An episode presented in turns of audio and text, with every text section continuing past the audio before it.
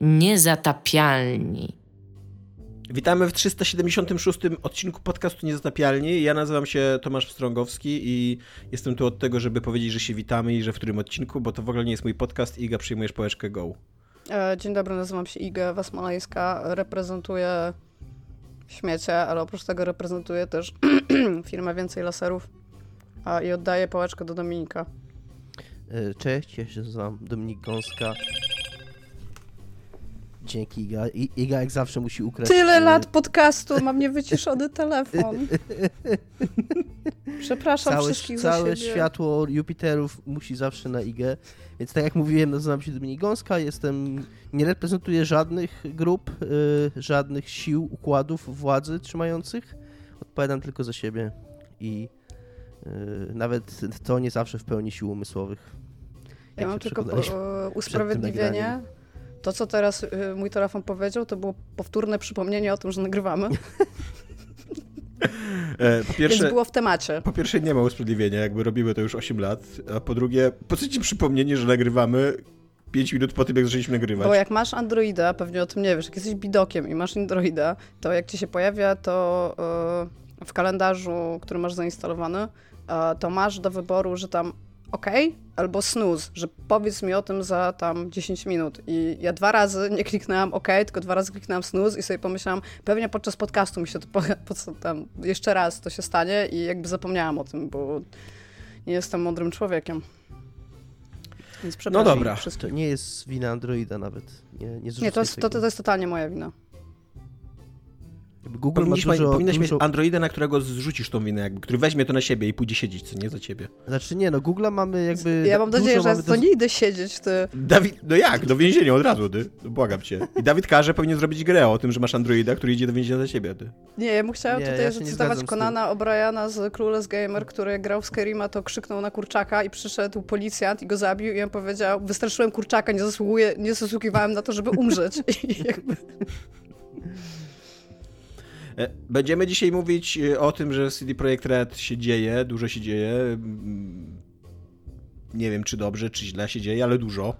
E, pięknie i namiętnie. Będziemy dzisiaj gadać o tym, że coraz trudniej sprzedawać pornografię gierkową, nawet bardzo delikatną pornografię gierkową.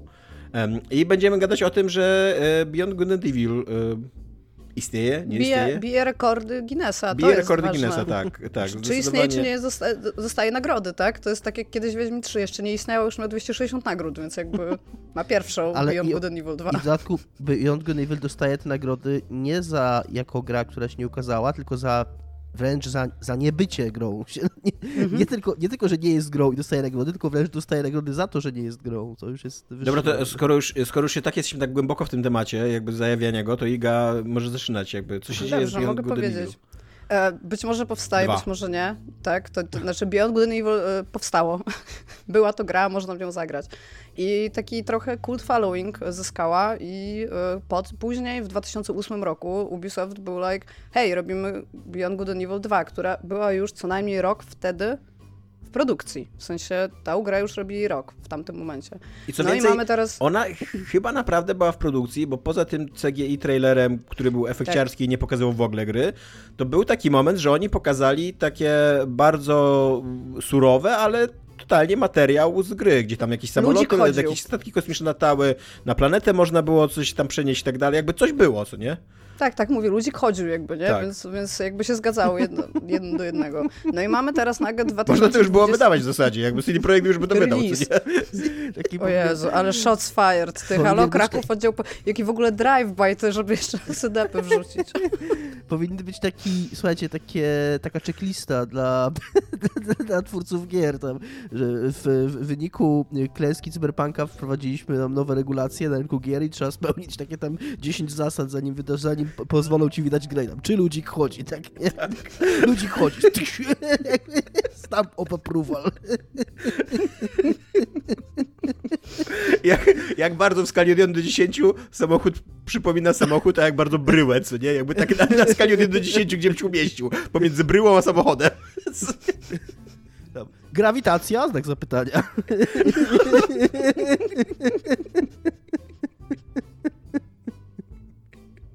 To jest, to jest złoto. Jeżeli ktoś z was wydaje gry, to myślę, że powinniście zacząć teraz robić notatki. Ja myślę, że przede wszystkim e, e, Sony i Microsoft powinni zacząć robić notatki i następnym razem będą certyfikować jakąś taką grę w stylu Cyberpunka, co nie? Certyfikacja po Cyberpunku jest już dużo trudniejsza. Dużo trudniej jest dostać ten seal of approval, bo właśnie patrzą, czy ludzi chodzi, nie? To jest, to jest teraz, nagle mają, wiesz, te, testerów tylko od tego, żeby to sprawdzić, nie? W ekstremalnych sytuacjach chodzenie ludzika. Dobrze, w każdym razie. e, Jest rok 2022, witamy w 2022 roku, już nawet końcóweczka bym powiedziała. E, I okazuje się, że wcześniejszy, wcześniejsza gra, która powstawała tak długo jak Beyond Good and Evil 2, to był Duke Nukem Forever, co jest dla mnie takim dosyć dużym szokiem, bo to była taka przysłowiowa gra, która nigdy nie wyjdzie, nie? I ona powstawała od 97 do 2011 roku i pan Brian Sinclair napisał, że powstawała tym samym 5156 dni. Lat. Natomiast Beyond Good and Evil 2 powstaje już 5234 dni, więc zabiera tym samym rekord Guinnessa od Duke Nukem Forever i sta- zostaje okrzyknięta najdłużej tworzoną grą w historii. Ale ja nie wiem, czy ty masz to w tym newsie, ale może to sprawdziłaś, czy to jest taki autentyczny rekord Guinnessa, bo nie jest tak łatwo zostać wpisanym do księgi rekordów Guinnessa. Wiesz co, niby nie, ale z drugiej strony, bo ja się kiedyś przy tym zastanawiałam i to jeszcze było w redakcji, czyli mniej więcej wtedy, kiedy zapowiadali Beyond Good and Evil 2 najprawdopodobniej. My kiedyś mieliśmy jakieś takie ciekawostki, jeżeli chodzi o growe rekordy Guinnessa. Nie wiem, czy to jest jakaś, ja trochę, ja trochę nie wiem, czy to jest jakby jedna księga rekordów Guinnessa, czy są różne, jakby w zależności od różnych rzeczy. Aczkolwiek jest taki rekord Guinnessa o grze, która zbierała najbardziej spolaryzowane recenzje i to było Deadly Premonition. Nie wiem, czy pamiętacie, że był taki news, że ona ma taką nagrodę. Więc jeżeli istnieje taka nagroda, to myślę, że ta nagroda jest dużo bardziej prawdopodobna, Tak, ale. Tomek o co innego pyta. Tomek pyta o to, czy ta, ten tytuł został zaktualizowany, bo że Duke Nukem Forever miał właśnie. ten tytuł oficjalnie w Mhm. cudzysłowie, to wiemy wszyscy, ale czy jakby, czy kapituła się pochyliła nad Beyond Good and Evil i pobłogosławiła kapita, kapitularną swoją laską. Tego nie wiem, zaraz się dowiem, aczkolwiek wydaje mi się, że nawet jeżeli jeszcze nie, no to faktologicznie to jest prawda, tak? Jakby nikt temu nie jest w stanie zaprzeczyć. Więc tak. E, no, no i właśnie jakby ja czytając tego newsa się poczułam bardzo staro, bo ja, dla mnie w ogóle to ogłoszenie Beyond Good and Evil Tak, to ja bym- było ja bym- przedwczoraj w ogóle, nie? Ja totalnie, ja bym chciał powiedzieć, że w mojej e, jakby subiektywnym odczuciu czasowym Duke Nukem Forever nadal powstaje dłużej niż Beyond Good and Evil 2. Tak. Jakby, I nawet jak sobie tam odejmiesz, dodasz te wszystkie daty, to jakby przez to, że to było dalej odsunięte w historii i że to było takie strasznie memiczne w ogóle, że ten Duke Nukem Forever tak długo powstaje, to ja nie wiem, czy pamiętacie, że w ogóle był taki dowcip, że Duke Nukem Forever wyjdzie zaraz po StarCraftie 2 i Falloutie 3. I jakby wszystkie te trzy gry już są i tam co więcej są nawet kontynuacje tych gier, nie? Ale to Beyond Good and Evil 2, to okej, ja pamiętam, że to było dawno temu, ale w jakiś sposób mi się wydawało, że nie aż tak dawno, nie?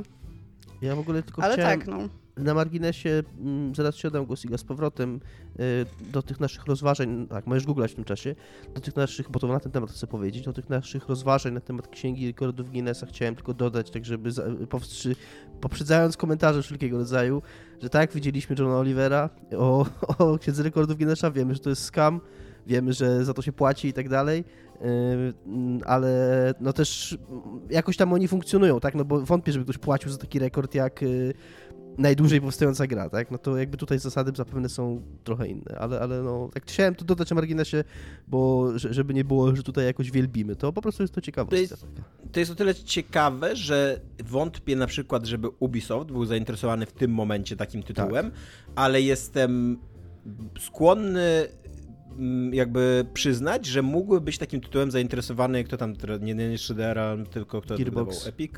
Gearbox. Gearbox, jak wydawał Duke Nukem Forever, to w celach promocyjnych, żeby zapłacić księdze rekordów Guinnessa za wpisanie do niej, jakby tak w celach promocyjnych po prostu, nie żeby nagle stało się znowu głośno o Duke Nukem Forever. Mogło tak być. Mogło tak być, Wcale szczególnie, mnie to że, nie dziwiło. E, Szczególnie, że- oficjalnej... szczególnie, że oni mają jakby na swoją, w cudzysłowie, obronę to, że tak, że oni jakby przejęli ten projekt, więc jakby oni wręcz mogli się tu pozycjonować w tej narracji jako na tego zbawcę, tak, tej gry, która tak długo powstawała i dzięki nim właśnie powstała. Co świetnie wyszło, jak ją zbawili, jak wyszło. Jak... Okej, Kawał Czekajcie, dobrej, zbawionej gry. jest plot twist w tej historii. No. E, Po pierwsze, w księdze rekordów Guinnessa teraz, jak się patrzy, wciąż funkcjonuje Duke Forever, aczkolwiek Beyond Good and- jest tutaj komentarz i Beyond Good and Evil, bo można robić komentarze w Księdze Rekordów Guinnessa, nie wiem czy wiecie. I Steve Perrin napisał 4 dni temu, Ten dziennikarz, tak? centralnie Który- 4 dni temu, no nie, Steve Perrin. A, Nie, jaki Steve Osoba, Perrin? która A, tutaj okej, okej, komentarz okej. dała. Napisała, że to nie jest prawda, bo Sword Quest, Sword Quest Airworld był zapowiedziany na Atari 2600 w 84, a został wydany dopiero na 50. rocznicę Atari w 2022 roku, co jest sumą 28 lat, 38 lat. Mm, Więc e, być może trzeba, trzeba zadzwonić do Guinnessa. Czyli tak naprawdę Beyond Good and Evil 2 wcale nie powstaje długo. Jakby cały ten news, Jakby, ja, bo- ja bym chciała powiedzieć... okan bo- dupy potłuc po prostu. Trochę tak. Ale co bym chciała powiedzieć, bo ja mam jeszcze jeden komentarz na ten temat. E, Jeżeli nawet Beyond Good and Evil 2 powstaje i jeżeli ten kierunek się zmieniał na przykład tak wielokrotnie, że już tę grę przebudowali i nawet może ona wyjdzie za 3 lata i to będzie dobra gra, bo ją powiedzmy robi 5, tak, w tym samym czasie, to to jest super za długo na robienie gry. To jest po prostu super za długo. To jest takie zmęczenie projektem teamu, że jeżeli nawet ona, jeżeli nawet się przyszło na przykład, nie wiem, był jakiś re, dosłownie reboot tego projektu w Ubisoftie, tak, i przyszło się 6 lat temu i cały czas się robi tą grę, to to jest kurde za długo. To jest strasznie męczące tak długo siedzieć nad, jedny, nad jednym projektem, więc nawet jeżeli ona wyjdzie, to jej nie zazdroszczę temu teamowi. Ja mam, te, ja mam z kolei inną, inne spostrzeżenie tutaj. Zapewne też nie jakieś super oryginalne, ale mi się zawsze wydawało, że Beyond Good and Evil jako, jako franczyza, za przeproszeniem, to jest takie dziecko ukochane, wytyckane Michela Ansela, e, tego takiego człowieka, który zawsze uchodził z tego dobrego wujka w Ubisoftie, dopóki go nie zwolnili przy okazji fali zwolnień, przy okazji zarzutów o molestowanie, więc tam plot twist. Ups. Nadal, nadal pasuje do takiej figury dobrego wujka, co nie? No. Trochę tak. E, On między innymi też Raymanami się zajmował długo, więc jakby mm, ta jego komórka w filmie funkcjonowała właśnie jako taka baśniowa, piękna, kolorowa, a tam w środku molestowanko. Surprise, nie? Ubisoft.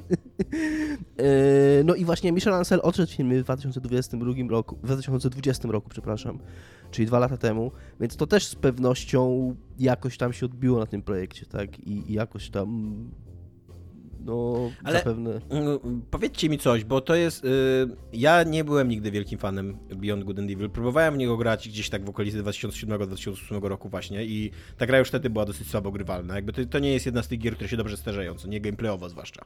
Może tam historia jest tego warta, ale gameplayowo to jest taka dosyć y, sztywna i, i, i płaska gierka. Eee, I ona jeszcze, okej, wierzę, że w tam 2007-2008 rok była trochę relevant, zwłaszcza w tej naszej redakcji WP, kurde, tam napieprzeliście mnie na lewo i prawo, że muszę w to zagrać i że, e, że ona jest tego warta. Ale czy w 2022 roku e, ktoś jeszcze w ogóle pamięta o Beyond Good and Evil? Jak my, ja nie mam takiego poczucia. Jakby nie ma, nie, jak chodzę po tych wszystkich stronach, jakichś takich forach i, i, i tak dalej, to nie, nie widzę gdzieś jakichś takich ruchów, głosów, że co się dzieje z Beyond Good and Evil, gdzie jest Beyond Good and Evil, co nie, że wszyscy czekamy i, i, i nic się nie dzieje, tylko raczej Mi się wydaje, że wszyscy już tak w sercu trochę ten projekt na straty po prostu spisali. Tylko, że jakby ja pamiętam, że były ogłoszenia takie mówiące o tym, że ej, to nie jest Frozen, to nie jest Tak, z rok czy- ciągle nad tym Z pracujemy. rok czy dwa lata temu totalnie było takie ogłoszenie wprost mówiące z- ze strony Ubisoftu, że nadal Mhm. pracujemy nad tą grą, nie? Tylko, że ja Jakby mam... czy, ja ci powiem Tomek tak, jak ona wyjdzie w końcu, jeżeli naprawdę tam kto, ktoś to tam w końcu, że tak powiem, zeryj złapał i będą to teraz ogarniać, to moim zdaniem to w 2023 czy 2024 roku to może być fenomenalnie dobra gra, bo jakby ona, ona, ona ma taki setting, który jest po prostu tak inny od wszystkiego, co, co jest na rynku, że nawet jeżeli to będzie takie TPP, e, action RPG with an open world, bo pewnie takim czymś Mm. będzie, to wciąż to będzie coś innego. No tak, Iga, tylko zasadzie, y, tak jak ty mówiłaś, że to jest za długo, żeby pracować nad jedną grą. Ciekawe, ile 14 lat później z tego settingu jeszcze zostało, co nie? Ile tego już jest przepisane i wymyślone na nowo i y, na ile tam, nie wiem, przyszedł jakiś producent w pewnym momencie i powiedział, że chcemy Gwiezdne Wojny, co nie? I że co wy tu robicie z tą świnią i tam wywalcie świnię Gwiezdne Wojny bardziej, albo Ja ja się się w ogóle- Assassina zróbcie w kosmosie. No Ja się- okej, no ja się fair enough. super zgadzam z Tomkiem, bo też mam takie, takie wspomnienia z tej gry, że to była jedna z tych gier, e, które są takie powiedzmy 7 na 10, jeżeli chodzi o gameplay, takie poprawne, dało się w to grać, jakby nie, nie, nie gryzły, nie gryzł ci pad rąk ani nic takiego, jak w to grałeś. y, ale, ale to jakby nie po to się w nią grało. Grało się właśnie z uwagi na świat, aktorstwo, postacie, jakby ten setting, to było ciekawe i takie, takie, takie trochę w nurcie filmu Pixara powiedzmy, tak? Taki, miał klimat. Ja ją w ogóle pamiętam, że ją przeszłam i ja zrobiłam w niej wszystko, co się dało zrobić. Tam było takie, takie zbieranie zdjęć, tak, że trzeba było tam gdzieś wejść, żeby robić zdjęcia, tam były takie perły, które się zdobywało, to ja to wszystko zrobiłam. Ty mnie najbardziej wtedy młotkowałeś, że muszę przejść tą grę koniecznie. Dominik mnie młotkował, że Psychonauts muszę przejść. Tak, I ale jeszcze kończąc, że chciałbym, chciałem skończyć wątek tylko to co, to, co zacząłem mówić i wtedy ci oddam głos i go obiecuję, że, że mówię, tak, zgadzam się z Tomkiem, ale wtedy, kiedy ona wyszła, to jednak jasne, tam gry action adventure były jakoś tam popularne na rynku, ale nie było takiego nasycenia open worldami z kolei, jak jest teraz, a o tym Ubisoft już mówił jakiś czas temu, że to będzie gra w otwartym świecie, więc jeżeli to będzie kolejny Ubis open world Ubisoftu, których już teraz Ubisoft ma kurna, nie wiem, cztery serie, yy, strzelam, nie wiem, Assassin, Far Cry. yy, Go, Far Ghost Cry, Recon, no. Far. Cry i Watch Dogs, przynajmniej cztery, tak? Yy, to nie wiem, czy tej oryginalności wystarczy. I Iga coś zaczęłaś mówić. Nie, bo ja po prostu pamiętam, że mi się w nią grało bardzo okej, ale że tam były elementy skradankowe, że tam się w pewnym momencie scenariusz zmieniał, inną postacią się grało i ta postać się skradała i to było najnudniejsze na świecie. Oprócz tego, że stealth jest nudny, to to było w ogóle bardzo nudne. Więc mam takie wspomnienia z niej. Ja, ja nie mam jakoś tak, że na przykład, y, jeżeli Tomek, ty mówisz, że ja cię namawiałam, żebyś ty w nią pograł, to być może tak było, ale ja nie mam jakichś super, nie wiadomo jak ciepłych wspomnień teraz po niej. Może Też się- ją zremasterują przy okazji. Mi też się trochę wydaje, że to była taka gra, yy, w którą, która wydawała nam się lepsza, kiedy ją graliśmy, niż teraz z perspektywy na nią patrzymy. Bo to była gra, zwróćcie uwagę, która się ukazała przed Bioshockiem, przed tym całym nurtem gier, w cudzysłowie, z przesłaniem politycznych, yy, czy tam nawet nie politycznych, ale mających jakąś wizję taką, yy, powiedzmy, ideologiczno-światopoglądową, tak, wbudowaną w, w siebie. Czyli po, powiedzmy, które starają się Ciekawe, mówić o czy czymś- dziś... Yy, mówić o, czymś, o, mówić, o czymś, mówić o czymś więcej niż tylko o ludziku, który ratuje świat. Nie? Więc ten Nietzsche, który tam już w tytule do ciebie krzyczy, tak? Yy, jakby był atrakcyjny i taki nęcący. A teraz po Bioshockach, po tym wszystkim, jakby już jesteśmy może trochę mniej. Niczy zawsze będzie atrakcyjny i nęcący. Tak, zawsze. to prawda. Ale ciekawe, prostu- bardzo mnie ciekawi, czy gdyby dzisiaj. W ogóle ja uważam, że dzisiaj e, remake tej gry, znaczy remaster, ty powiedziałeś go właśnie, że zremasterowaliby ją, że remaster by tej gry nie, nadal nie działał. Ona była zła gameplayowo. To by musiał być remaster. remake, co nie? To by trzeba było remaster. zrobić od. E, a, no właśnie. No, ale żeby ona dzisiaj dobrze działała, to by musiał być remake taki zupełnie jakby współczesny, co nie? E, ale ciekawe, czy jakby dzisiaj taki Beyond Good and Evil wyszło, które e, tak naprawdę jest polityczne o tyle, że mówi dyktatura zła, a wolność i bycie porządnym człowiekiem dobre. nie? I czy gdyby to dzisiaj wyszło, to by powstała armia trolli internetowych, że po co nam wciskacie politykę do naszych gier. No nie, no to jest gra polityczna już tylko i wyłącznie dlatego, że grasz babą, nie? Jakby- Tak, to swoją drogą.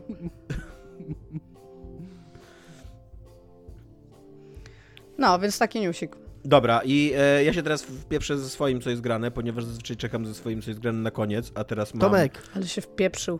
co Tak, jest grane mam- u ciebie? Mam dużo gorącego cyberpunka. E, najpierw, najpierw bym chciał e, przede wszystkim e, tutaj e, wszemi wobec o, oddać sprawiedliwość e, naszemu Dominikowi Gąsce, który jest e, najwspanialszym... Dominik, jeżeli nas słuchasz, pozdrawiamy cię. tak, tak. E, Dziękuję. Dominik jest Co do bardzo mądrym człowiekiem, wspaniałą istotą ludzką. E, podjąłem wysiłek i to taki uczciwy wysiłek. 3-3,5 godziny zagrałem w em, Game Decka. I totalnie wszystko, wszystko, co powiedział Dominik o tej grze jest prawdą. Jeżeli jakby chcecie wysłuchać e, e, sensownej, obiektywnej, prawdziwej recenzji, no może nie do końca recenzji, bo to nie była recenzja, ale takiej opinii. Obiektywnej recenzji. Tak, to, to znajdźcie nas odcinek, w którym Dominik mówi o Game Decku i, i, i to jest prawda, to jest bardzo średnia, łamane na nieudana gra, e, która ma potencjał, jakby widać w niej rzeczy, które mogłyby być fajne. Jakby e, e, ja, ja tak do- Dominikowi napisałem, że to mogłaby być dobra gra, gdyby to była lepsza gra. jakby, że, że gdyby... e, Są tam mechaniki, które wydają się nawet interesujące, bo tam kupujesz sobie za punkty nawet nie doświadczenia, tylko dostajesz takie punkty umiejętności w zależnie od tego, jakie podejmujesz działania i wybory. I, i z tych punktów umiejętności możesz zabukować sobie konkretne takie zawody, które ci pozwalają odblokowywać różne wyjścia z sytuacji, a zazwyczaj po prostu opcje dialogowe, nie? I to jest nawet ciekawe, jakby takie trochę Disco Elysium, aczkolwiek to jest bardzo naciągane. Jakby za każdym razem, jak w jednym zdaniu słyszycie o Game Deck i Disco Elysium, to włączcie tam wszystkie alarmy bezpieczeństwa, co nie? To jest bardzo naciągane po porównanie, ale jest takie kinda Disco Elysium Systems, nie? I on nawet mógłby być ciekawy, gdyby nie to, że cała ta gra jest mega ciekawa.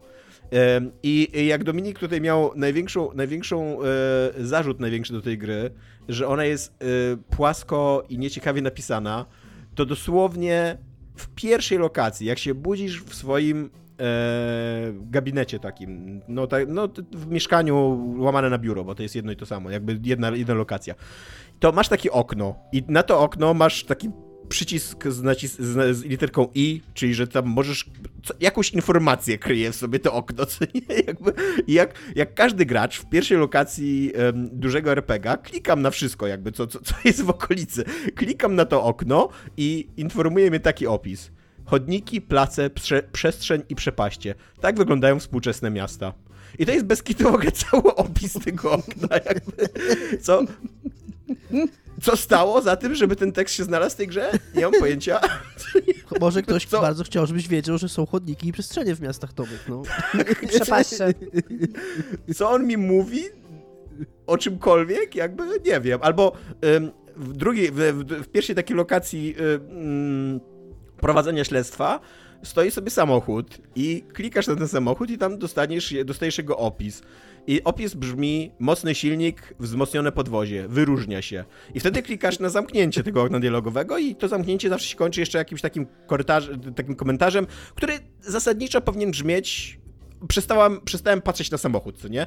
Ale to jest tak, klikasz na samochód, czyli patrzysz na niego i czytasz mocny silnik, wzmocnione podwozie, wyróżnia się. Przestajesz patrzeć na samochód i wtedy komentarz jest, chociaż w sumie może nie jest taki wyjątkowy. No to kurde, zdecyduj się, pisarzu, nie? To są dwa sprzeczne komunikaty, które jeden po drugim lecą, nie? Już nie mówiąc o tym, że ja w ogóle nie wiem, dlaczego ten samochód ma ten, to, to, to takie i, bo tam nie odgrywał żadnej roli, przynajmniej dopóki ja grałem. Więc tak, więc y, no mówię, to jest gra na 12 godzin, dałem mi 3 godziny czasu. Absolutnie nic, nic interesującego mnie nie spotkało w tym czasie. Em, I, e, Ja pamiętam i, i tylko jeszcze odpuściłem. Jeszcze ci No. na chwilkę się wtrącę, że ja miałem takie, to co mówiłem, przypomnę, e, takie wrażenie, że to jest taka gra, która jest pełna placeholderów, tylko że zamiast, tak jak normalnie masz graf grafikę placeholdery, tutaj grafika jest, ale placeholdery to są opisy. Tak jakby ktoś zapomniał tam napisać ten, to, ten scenariusz do tej gry, tylko zostawił takie po prostu, nie wiem, strzępki. Tu się czegoś. będzie coś działo? Tak, tu się będzie coś działo, tak, tu będzie Tak. opis samochodu, no bo co, ma silnik i tam się wyróżnia. Tu będzie, Miasto tu, będzie, chodniki, tu, tak. tu będzie takie super futurystyczne, trochę, trochę tajemniczy opis miasta. Chodniki, nie, takie tam. No tak to brzmi, no. E, no, e, więc tak, więc, e, więc odpadłem z tego, e, z tego game decka, e, też odpadłem przez absurdalną, absurdalną decyzję projektową. Jest, jest w game decku do wyboru albo opcja, że możesz sobie robić savey kiedy chcesz, albo opcja, że, że nie możesz sobie robić saveów kiedy chcesz, ponieważ żyjesz z decyzjami tam, które podejmujesz. No i tam jest to bardziej interesujące dla mnie granie, więc wybrałem tą drugą opcję. I wyobraźcie sobie, że on nie robi autosave'a przy wychodzeniu. On, y, tutaj muszę przyznać uczciwie, że to było napisane w opisie tego, że on robi tylko przy wyjściu z lokacji autosave'a. E, ale autentycznie myślałem, że to jest po prostu błąd, bo nie, nie, nie jestem sobie w stanie wyobrazić, jak możesz zrobić Ironmana, gdzie masz lokację, na której masz tak 2,5 godziny gameplayu i przez 2,5 godziny nie wychodzisz z tej lokacji. I, I żaden autosave nie był zrobiony w międzyczasie, co nie? I jak wyszedłem z tej lokacji i zobaczyłem, że to nie jest jednak błąd w opisie, to stwierdziłem, okej, co jakby to jest... To jest ten moment, kiedy się wypisuję z tej gry, bo nie będę robił tych 2,5 godzin jeszcze raz, nie? Jakby nie, nie będzie mnie to bawić, nie? E, natomiast... E, Podoba mi się, że zarzuciłeś grze kłam. Podoba mi się to po prostu, że grać coś powiedziałeś, to powiedziałeś nie, nie, nie, nie, nie. Tak, bo y, no, tak, po prostu myślałem, że to jest źle sformułowane zdanie, tak, bo tak założyłem, że to nie może być tak źle pomyślane, jakby, że, że Jeszcze co więcej, zaryzykowałeś, bo wiedziałeś, że masz rację, że ta gra cię okłamała. trochę tak, trochę, trochę czuję się, e, czuję się zawiedziony, że gra była ze mną szczera, jakby, że nie okłamała mnie. jednak, nie. E, ale, ale jako, że byłem na Gogu, bo mam tą grę na Gogu, to przy okazji zobaczyłem, że Fir 1 jest za 8 zł. E, I po ledwie tam jakichś 10 godzinach... e, Znana cyberpunkowa produkcja. Tak. Jest cyberpunkowy, totalnie Fir 1. To się dzieje w No 2025 tak, no, roku. znana Masz... cyberpunkowa produkcja, ale to nie jest jakby pierwsza, o której bym pomyślała, Aha. kiedy powiedziałeś, że będziesz miał dużo dobrego cyberpunka, nie? E, No, ale mów, mów. to jest dobry cyberpunkowy nie, tytuł jakby tam. Ja Totalnie. z Fira 1 pamiętam bardzo dużo magazynów z takimi samymi półkami i Jest na maksa to widać. Jakby najpierw chciałem tylko powiedzieć, że odpalenie tej gry na współczesnym kompie zajęło mi tylko z 10 godzin, bo najpierw musiałem V-Synca sobie tam u, u, ustawić, dzięki Dominikowi Gąsy go ustawiłem, bo trzeba go oddzielnie na karcie graficznej ustawić, oddzielnie w grze i wtedy zaczyna działać, a później framerate tak mniej więcej po 20 minutach mi spadał gwałtownie e, i żeby to zrobić, to w ogóle musiałem jakiegoś DLL-a z- podejrzanych regionów internetu ściągnąć, więc to klasyczne pecytowanie się działo, nie? E, Ale, ale teraz mi działa super, jakby tam 158 klatek na sekundę i, i, i gram zajebiście. I tak, na maksa Iga to widać teraz dzisiaj, e, jaka ta gra jest oszczędna pod względem tego właśnie tego projektu Levels, asetów nie? i na lokacjach, no, Tak. że tam masz sześć pokojów i to są takie same szare pokoje z półkami i tam Na- po prostu się tak. strzelasz, A nie? najgorsze jeszcze, że ona się dzieje w takich trzech settingach. E, jedno to jest, jedno to są magazyny, drugie to, to jest takie korpo pokoje, korpo, korpo korytarze, a trzecie to są ten taka zrujnowana dzielnica, co nie? Więc to jest wszystko mega nudne graficznie, tak na maksa, tam, tam tak jak mówisz, że to są wszystko powtarzające się przestrzenie, jeszcze żadna z tych przestrzeni tak docelowo nie jest interesująca, jakby, co nie? Jakby jest tak y, y, zawsze projektowana i budowana z założeniem tego, że będzie nudna i nijaka i, i, i masz na przykład 6 godzin gameplayu, kurde, w nudnym i nijakim biurowcu, e, co akurat horrorowo się dosyć sprawdza, e, ta taka, mm, e, no nie wiem, taka, taka nu, nu, nuda tego, ale jestem, jestem zaskoczony, jak dobrze... Monotonia. Słucham? Monotonia, Monotonia. tak, tak, masz O. rację. O. I też wydaje mi się, że będąc dorosłym człowiekiem, trochę lepiej gra mi w duszy y, przebywanie w 6, 6 godzin w takich korpo, kurde, wiesz, Przyzwyczaili cię, o Jezu. bo, nie, bo właśnie Kto ci totalnie... zabrał to światło, Tomek? Nie, właśnie nie, nie, że mi przyzwyczaili, tylko totalnie rozumiem, że to jest horror, co nie, jakby, ta gra to jest horror, jestem zamknięty, kurde, w biurowcu i nie, nie, nie mogę z niego wyjść, co nie, jakby, E, minimum popatrz, 6 przez godzin. 6 godzin. E, właśnie, może do 8 powinni, powinni No. to przedłużyć. E, może tak, ale e, chciałem tylko powiedzieć, że poza tym, że tak, że rzeczywiście zwróciłem na to uwagę, em, no po prostu to jest tak, taka taniość. Widać w tym, w tym projekcie e, graficznym tych, tych, tych wszystkich przestrzeni straszną taniość i takie. No takie chodzenie na skróty, co nie, produkcyjne, e, bo tam nawet, nawet jak są kubikle, to one w żaden sposób nie są uspersonifikowane, to nie jest tak, że tam ludzie budują jakąś własną przestrzeń i tak dalej, co nie, a do tego też ona jest jeszcze, to są takie same początki prowadzenia narracji poprzez te, e, poprzez e, nagrania audio, co nie? E, więc totalnie te nagrania audio są na przykład w takich momentach, kiedy strzelanina zaraz wybuchnie i ty nie masz okazji tego dosłuchać do końca. Em, te nagrania audio czasami są strasznie długie i musisz tam 5 minut stać w miejscu, żeby je wysłuchać, bo są trzy nagrania audio jedno po drugim. E, a do tego, jak klikniesz na, na, na, na telefon, żeby odsłuchać e, zaległe wiadomości, to masz tylko jeden, jeden moment, żeby je przesłuchać. One się później nigdzie, nie, nie, nie ma żadnego loga, żeby je przesłuchać jeszcze raz. E, one się nigdzie nie zapisują i nie możesz jeszcze raz kliknąć na ten telefon, żeby je odsłuchać, nie? Więc to jest taki ciekawy moment w historii tworzenia gier, kiedy już wpadli na ten pomysł, że można tak opowiadać narrację, ale jeszcze nie do końca wiedzieli, jak to zrobić, nie? Ale Tomek, Em, wszystkich chyba i- interesuje jedno, yy, jedno pytanie, No. jedna kwestia. Tak, czy, ja też czekam na to, zapytaj się Nie, Dominik, nie, wiem, ja wcale nie o to chcę zapytać, co ty myślisz. Y, Czy Okej. AI wrogów jest takie super, jak pamiętamy wszyscy? E, muszę jeszcze sprawdzić najwyższy poziom trudności, bo gram na przedostatnim poziomie trudności i ono nie jest takie super, jak pamiętamy. Jakby podejrzewam, że jak grałeś w tym 2005 chyba, tak? Wyszedł To było wyszedł takie- gra, tak mi się wydaje. Tak, jak grałeś, jak ja dokładnie miałem tak samo, że jak grałem w 2005 roku, to to było w ogóle po prostu mus na ścianie i ja pierdzielę, gram z żywymi ludźmi praktycznie, co nie? Więc to nie jest tak, ale to, że tych skryptów, zachowań wrogów jest tam x razy więcej niż w przeciętnej strzelaninie, to widać na maksa, nie? I to robi gigantyczną różnicę. Nawet jeżeli ci żołnierze nadal się zachowują jak idioci, nadal jeżeli nadal masz mnóstwo takich zabójstw y, bardzo prostych, że wróg po prostu nie wie jak zareagować, albo siedzi cały czas w jednym miejscu, nie?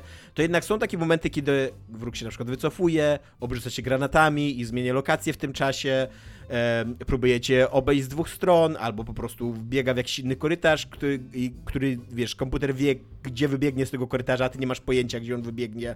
I, I to, kurde, to robi niesamowitą robotę. I to, że dzisiaj się tego już nie robi w grach i chyba w ogóle po tym firze pierwszym raczej się już tego nie robiło, to jest smutne strasznie, bo, y, bo nawet takie, na takim bardzo podstawowym y, y, poziomie, takie złudzenie, że grasz z kimś, kto się dostosowuje do tego, co robisz. Nawet jeżeli jest, ten ktoś jest bardzo głupi i myśli schematami i dosyć łatwo to przewidzieć, to i tak jest, kurde, niesamowite. Nie? To, to i tak jest dwa razy więcej frajdy niż z takiego, kurde, strzelania do kaczek, jak dostajesz w Call of Duty.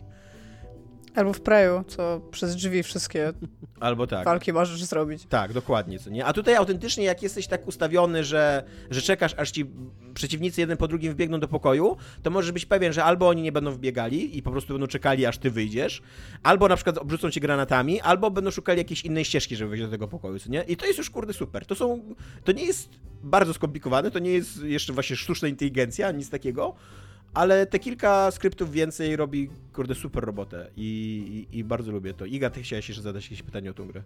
Nie. Nie? Jest tam bardzo dużo do powiedzenia o tej grze jeszcze. Dominik wie, jakie chciałam zadać, to jest Tak. dla mnie ważne. Nie, ja w ogóle chciałem tylko powiedzieć, że nadal bardzo cenię sobie e, fabułę tej gry. Zwłaszcza, że już znam całą trylogię i to jak absurdalny będzie ten horror. Jaki to jest, e, jaki to jest piękna rodzinna historia o tam dziesięciolatce, która tak naprawdę jest dwudziestokilkulatką, która zgwałci głównego bohatera na końcu drugiej części, a na końcu trzeciej części być może jej syn zje jej ciało, a być może nie, zależy czy masz dobre, czy to zakończenie. To, to jest tak, to jest piękne i wspaniałe, aczkolwiek e, nie jest w ogóle straszna ta gra, jak się w nią gra drugi raz, bo ona ma tak naprawdę dwie sztuczki, co nie? Jedna to, że Alma się pojawia, nic gruchy, nic pitruchy, a druga to, że, pojawi, znaczy, że masz takie zakłócenia e, audio i tam jakieś takie przewidzenia i inne takie, co nie? Więc y, no, to jest mega przewidywalne i tam nawet za pierwszym razem nie robi ci sztuczki, co nie? A, a jednocześnie przez to, jak ona wygląda graficznie dzisiaj, to bardzo ciężko jest jej tak normalnie bać, tak, y, ona nie buduje napięcia, bo jest nudna i monotonna i e, a nie straszna. I ma kurde latarkę, która działa 5 sekund. Nie wiem, to też był taki dziwny moment w historii rozwoju gier wideo, kiedy uznawano, że bateria latarki działająca 5 sekund ma sens w świecie fikcji. W ogóle Nie ma w ogóle, jest to wkurzające na maksa, takie gry wideo miały- irytujące. gry wideo miały przez pewien czas, nawet nie chodzi o czas działania, ale w ogóle jakiś problem z latarkami. Tak samo w Dumie 3, który, Ciągle mają. który był zrobiony. Też Ciągle mają gigantyczny problem z latarkami. W większości horrorów wciąż trzymasz latarkę w ryju, jak się zastanowisz. mnie na przykład, albo świecisz oczami literalnie. mnie na przykład, dwóch. mnie na przykład rozwala... nie trzy to, co chciał powiedzieć Dominik, mogłeś trzymać albo giwerę, albo latarkę. Tak, tak. Nie można było strzelać i, i, i używać latarki jednocześnie. Ale Tak, no ale to był jakiś tam wybór, że tak powiem. Tak, ale ma, mamy gigantyczne, mamy dwa problemy, które ja teraz sobie potrafię wyobrazić, a, o których powinniśmy częściej mówić. Jeden to są latarki ogólnie, a drugi to są skrzynki, w których nie ma nieskończonej ilości miejsca, tylko na przykład jest pięć slotów. I to też jest kurde najgorsze. Dziękuję. Yy, w Resident E. Evil, w tych wszystkich nowych, bardzo docenianych i też lubianych przez nas wszystkich, czyli siódemce i Village i dwójce zresztą też remake'u, nie można włączyć latarki, kiedy się chce, tylko są zaskryptowane momenty, kiedy gra ci włącza latarkę. To też jest dla mnie przeciwne. Ale to jest moim zdaniem i taki tak, tak, ale to jest jakiś tam wybór, tak, że nie możesz cały czas chodzić z latarką, bo nie wiem, psuło im to I jakieś rzeczy. Dokładnie i uważam, e, jakby jakkolwiek to jest zabawne rozwiązanie czasami w fikcji, co nie, to uważam, że to jest dużo bardziej eleganckie obejście problemu niż ta bateria 5-sekundowa, co nie? Bo jednak Tak. ro, ro, rozumiem, że to jest horror i że oni nie chcą, twórcy nie chcą, żebyś sobie świecił wszędzie, co nie? I to właśnie takie zdanie się na to, że bohater sam decyduje, kiedy świecić, kiedy nie, to jest dużo bardziej eleganckie niż latarka, która po prostu kurwa nie działa na podstawowym poziomie, co nie? No, Tak, jakby wciąż uważam, że jest może bardziej eleganckie, a, a, aczkolwiek obie te rozwiązania są złe na śmieci, jakby, tak? Jeżeli chcę ja zaświecić latarką, to ja chcę móc świecić latarką i to jest kropka. I tam kumam, że to by wam coś psuło, ale to może zróbcie tak, żeby moje świecenie latarką wam czegoś co nie psuło, jakby, nie? Więc tak, ogarnijmy się z latarkami, skrzynkami, będziemy o 5 lat do przodu. E, I na, na końcu jeszcze jedną e, mam gierkę cyberpunkową, którą bardzo bym chciał polecić, bo super mi wyszła. Jak miałem teraz e, tydzień bez roboty, to spędziłem z nią ze 4 dni i to były dobre i fajne 4 dni. To jest Cloudpunk, e, takiego studia, które się nazywa Ion Lands. E, I jest to gra, która jest dosyć mm, nudna i powtarzalna i płaska na, pozi- na poziomie gameplayu, bo tak naprawdę jesteś tam e, kierowcą takiego samochodziku, taksówki e, łamane na mm, delivery guy. Kurier. dosta- dostawcy paczek, co nie? Kurier. Kurier. Tak, kurier, o właśnie. E, i, I po prostu latasz, e, latasz sobie po takim megalopolis przyszłości, tak, to takiej dalekiej przyszłości, że tam w ogóle tysiące lat w przyszłości to jest, y, to, to miasto istnieje. Tak, tak daleko, że już tam ludzie nie pamiętają, co to było Tokio, co nie tak literalnie, jakby po prostu było takie miasto historycznie, ale już nie wiedzą, co to było i nie kojarzą tej nazwy. Więc to jest tam no, z 10-15, no, no nie wiem, no, nie wiem ile zajm- zajmuje zapominanie Tokia. Z 5000 lat powiedzmy. Cztery dni. E, I latasz, e, latasz cały czas, latasz cały czas przez takie miasto, które wygląda totalnie jak z tych pierwszych pięciu sekund Blade Runnera. I to jest trochę Jak minu... No. Przepraszam. Jest- Czy jednak przepraszasz, czy się wtrącasz, czy nie? Nie, przepraszam. Okej. Wybaczam. E, I to jest trochę minus tej gry, bo to miasto jest dosyć duże i ona wygląda strasznie monotonnie przez to, że, że właśnie to jest. Tam ten Blade Runner autentycznie pokazuje chyba 3 czy 4 sekundy tego, tego wejścia, może 10. E, I tak naprawdę tam nie ma jakiegoś dużej zróżni- dużego zróżnicowania tej estetyki, nie? I jak to się kopiuje na całe miasto, to to jest po prostu nudne i wszystkie te dzielnice są do siebie bardzo podobne i nie, nie za bardzo można się od nimi e, można je rozróżnić. E, Ale e, samo to latanie i dostarczanie przesyłek i słuchanie mm, takich połączeń telefonicznych i nagrań audio i rozmów głównej bohaterki tam z, e, z, z SI swojego samochodu, który jest psem e, i ze swoją tam no tak, jest psem. To, to, znaczy, nie jest psem, bo jest SI, ale ma taką jakby aparycję i głos psa i Tak. logikę psa, Ma nie? głos psa. Co to znaczy? No?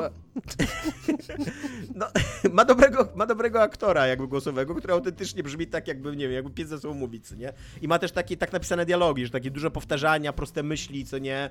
E, no, jest to dosyć przekonująco napisane. Ma też, e, wykonujesz w pewnym momencie też e, questa dla takiego androida, który jest prywatnym detektywem, który jakby jest narratorem swojego życia i, i tak w trzeciej osobie opowiada, nawet nie tylko opowiada o sobie, tak ale w noir, tak? Przy, tak, Rozumiem. dokładnie. Takim, takim, e, takim narratorem e, powieści Noir, który opowiadał o wszystkich wydarzeniach dookoła, wszystkich dialogach i tak dalej, nie? E, I to jest... e, Przyszła do mnie, miała nogi Tak. od podłogi, usiadła Dokładnie. na biurku i zapaliła E, papierosa. zupełnie na, Dokładnie. Wiedziałem, że tak. ten wieczór będzie event. zupełnie na marginesie i bardzo krótko powiem, Owocny. obiecuję. E, miałem w Cyberpunku 2077, w którego teraz gram, jest taki sidequest, gdzie Keanu robi taką narrację noir z OFU. E, Nie, nie, gram w tą grę trzeci raz, nigdy go wcześniej nie znalazłem, jest zajebisty. Znaczy quest jest jak quest, tam prosto się idzie z mie- miejsca A do miejsca B po prostu, ale, ale on przez cały czas taką opowiada to wszystko i, i super to jest quest. Czy ta narracja jego z OFU. Zasłużyłem sobie na to, jakby. Biorę to na klatę. Właśnie Tomek, ja się na ciebie patrzę z wyrzutem, nie wiem czy to widzisz, ale okej, nie? Jakby wszedłem w tą pułapkę sam. Jakby e, 15 minut temu, jak zacząłem mówić, że, że grałem w trzy gry cyberpunkowe, to już było wiadomo, że zmierzamy w tym kierunku. Już miałeś ten wykrzyknik Kojimowy nad Ej, głową, nie? Już ej. się skumałeś, ale już, już tam byłeś. Byłem delikatny, tak? Jakby Tak, to prawda. Więc w każdym razie bardzo polecam to Cloudpunk. Na mnie ten nudny i dosyć taki właśnie płaski gameplay polegający na lataniu po mieście, słuchaniu muzyki, dialogów i, i życia miasta działał tak bardzo uspokajająco, taki trochę zen e, gameplay. E, I ma bardzo, naprawdę bardzo ciekawe questy z bardzo fajnymi postaciami. Jest ym, ciekawie napisane, także właśnie postacie mówią różnymi jakimiś narzeczami, językami, mają swoje własne motywacje, e, przypominają istoty ludzkie z dosyć sprzecznymi często cechami charakteru i, i, i jakimiś głębszymi myślami na temat życia i tak dalej. E, Porusza chyba wszystkie, kurde, cyberpunkowe tematy, takie główne, jakie, jakie powinno poruszać dzieło cyberpunkowe, więc tam nierówność społeczna, jakiś tam rasizm wobec e, sztucznej inteligencji albo androidów e, i właśnie miasto w chmurach i to, jak tam, kurde, megakorpy ustawiają życie ludzkie e, i tak dalej. I jest przy okazji taki ma, mm, taką ma wrażliwość na ludzi, taką, że jak poznajesz tych NPC-ów, to to się nimi przejmujesz, ty ich lubisz i, i, i interesuje cię, co się z nimi wydarzy.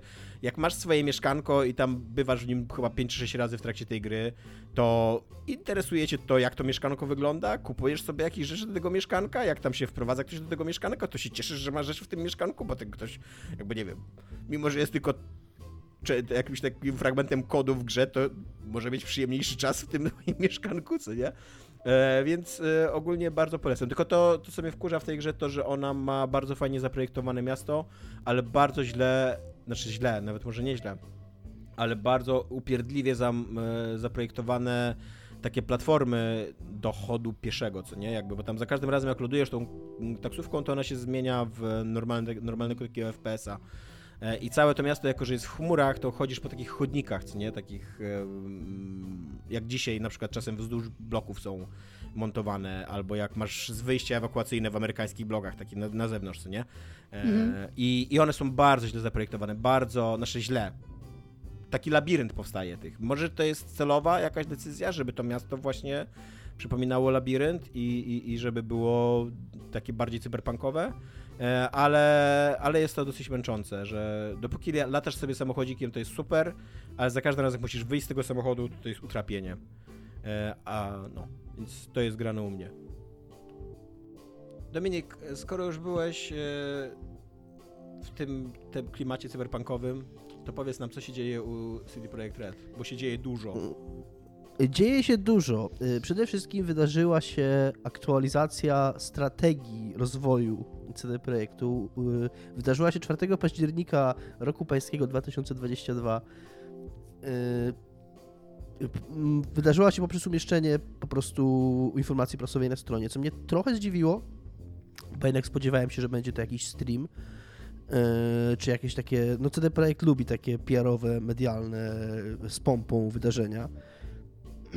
Z tym, że no od początku też być może nie powinienem był się tego spodziewać, ponieważ od początku mówiono, że Yy, i tak bardzo mocno sugerowano, że to jest coś robionego z myślą o giełdzie. Że to nie jest yy, przekaz kierowany mm, przede wszystkim z myśl do, do i z myślą o yy, szarych odbiorcach takich jak nasi słuchacze, i, i, i, taki, i takich doświadczonych. odbiorcami nasi słuchacze. Jesteście bandą kolorowych, wspaniałych e, herbatników, które my bardzo kochamy. Jakby. Nie no, żartuję nie oczywiście. sobie mówić Dominikowi, że jesteście szarą masą. Bardziej, bardziej mi chodzi o to, że wszyscy jesteśmy tymi szarymi. E, ale, ale nie nasi słuchacze. Nasi słuchacze są wyjątkowi. E, lepiej być szarym odbiorcą niż giełdowym graczem, powiem ci Tomaszu. Więc wybierając z tego dwojga mm, wybieram być szarość moją w moim szarym t-shircie dzisiaj. Yy, okazała się aktualizacja strategii biznesowej co do projektu w postaci długiej informacji prasowej z dużą liczbą cytatów, z których bardzo niewiele wynika, yy, konkretów przynajmniej, yy, a jednocześnie CD Projekt zapowiada w nim, zależnie od tego jak liczyć, od 5 do 7 gier. Yy, bo zapowiada mm, trzy Wiedźminy tak naprawdę, ale w jednym z tych trzech, trzech w jednym z tych trzech Wiedźminów jest też schowane dwa kolejne Wiedźminy. Yy, cyberpunka nowego i zupełnie nowy projekt. I teraz po kolei, żebyśmy wiedzieli o czym mówimy. Pierwszą z gier, każda z tych y, gier ma nazwę kodową yy, i pierwsza z tych gier ma nazwę kodową Sirius, z tego co pamiętam, z tego doskoluję tu do... Tak, Sirius. Sirius, tak, Sirius. I to będzie gra stworzona... Co jest w ogóle ciekawe w tej informacji, że, że wszystkie te nazwy kodowe pochodzą od konstelacji, Yy, od nazw konstelacji gwiezdnych, natomiast tylko Sirius został w polskiej informacji prasowej przetłumaczony, wszystkie inne egzystują w, po angielsku, co jest dziwne. Yy, no ale tak po prostu jest. I tak ale chyba będzie, Orion jak... jest tak samo po angielsku jak po polsku. No tak, okej. Okay, okej, okay. tuszę tak. Yy, Sirius będzie stworzony przez studio Demolas's Flood, studio, które ten projekt kupił w październiku zeszłego roku, czyli w zasadzie myślę tak, e, jak o tym pisałem i czytałem, to miałem takie, a to niedawno go kupił, jakby to w ogóle nie, nie dociera do mnie, że październik 2021 to było rok temu. E, I to jest studio, które zrobiło taką grę The Flame in the Flood i jakąś jeszcze inną grę, taką survivalowo yy, kooperacyjną. O nich też pisał chyba Schreier tak. w tej swojej nowej książce, nie? No. I, tak, I ta, że gra ma być czymś mniejszym i ma się różnić od y, dotychczasowych produkcji CD Projektu przede wszystkim tym, że ma mieć tryb multiplayer y, i być kierowana do szerszego grona odbiorców. Co to oznacza? Tak, pospekulujemy sobie za chwilę. Albo możemy teraz w zasadzie, lepiej chyba tak po kolei. He!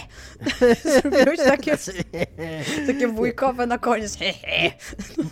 Nie, w zasadzie chyba lepiej, że będziemy, że będziemy to robić po kolei, co? Niż, niż ja wymienię Dobra. wszystkie Druga, gra, tak druga gra The Molasses Flat nazywa się Drake Hollow. O, dziękuję. Dziękuję. Drake, Drake's Hollow. Drake Hollow. Nie jest. A nie? S. Aha. To w ogóle... Przepraszam, No pewnie to będzie byłem, jakaś- widziałem. To jakaś taka ba- bardziej casualowa, mniejsza giereczka, która po prostu będzie w uniwersum Witchera. Jakiś taki spin-offik odnośnie do czegoś, co albo będzie w tych nowych grach, albo było w starych, ale to uniwersum Sapkowskiego i bardziej casual, pewnie stylizowane, jeżeli to ma być ich rzeczywiście. Tak, to jest coś, w co ja strzelam. Jakaś taka gra na 2-3 godziny. Bo jeżeli oni by mieli... Ja grałam w The Flame in the Flood. To, to jest coś, w co ja grałam. No to ona nie była super casual, bo to była survival gra, tak? Więc jakby gubisz trochę tych casualowych graczy po drodze, aczkolwiek tak graficznie i wszystko, no to ona była raczej, raczej nie była utrzymana tak, jak się e, te hardkorowe gry utrzymuje, nie? Ale no była ciekawa i w ogóle kibicowałam po niej dość mocno. Ja I... chwilkę w nią grałem i tak jak mówisz, to było ładne i takie... Mhm. Jakoś nie wciągnęło mnie, ale miałem takie, no, okej, tam sympatyczne. Notabene, y, notabene to jest y, studio, które założyli ludzie, którzy odeszli z Irrational Games po tym, jak Ken Levine się wypiął Mhm. na część zespołu i postanowił, że będzie robił swój nowy projekt w małym zespole i tam, a pozostali się dbają o siebie. No to oni dbają o siebie tak, że założyli The Molasses Flat, więc można powiedzieć, że nowego Wiedźmina będą robili ludzie od Bioshocków. Praktycznie tak, twórcy Bioshocka zrobią... Twórca, w ogóle jedyni twórcy Bioshocka, którzy single-handedly zrobili Bioshocka.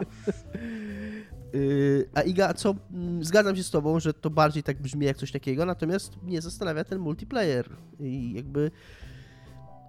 Bo to z jednej strony może być krótkie 2-3 godziny, fajne indie z duszą, no ale jak, gdzie, jak się w to wpisuje tryb No bo to, dobra, to teraz jakby porzeźmy z dupy.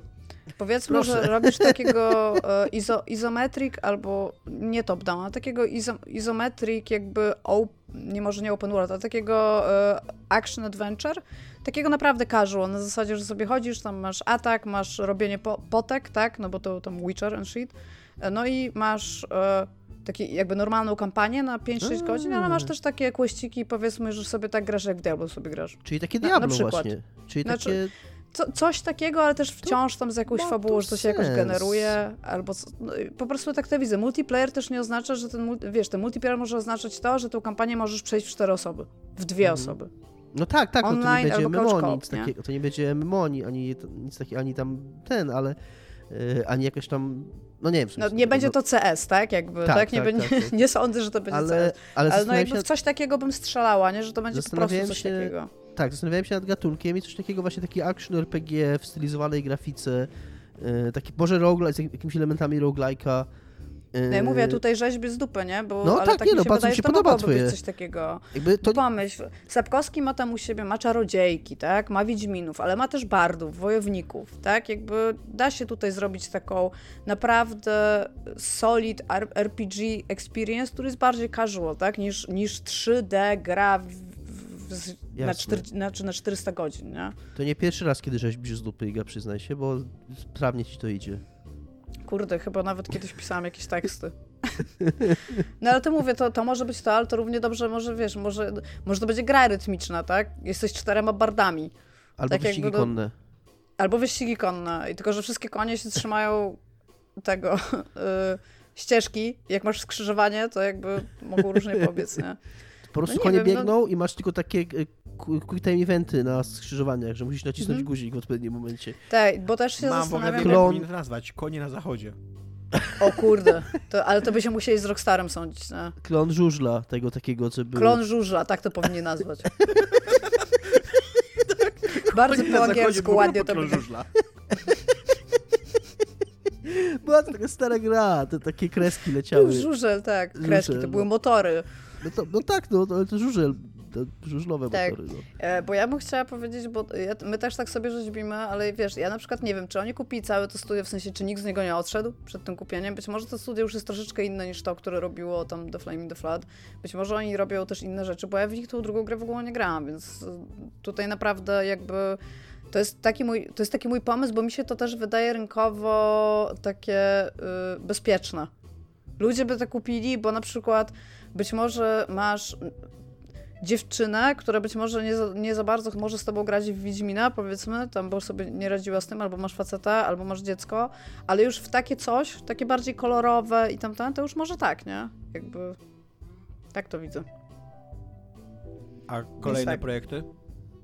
Y, Kolejnym projektem jest projekt Polaris, czyli Gwiazda Polarna, czyli w sumie nie wszystkie są od y, konstelacji, niektóre są od gwiazd.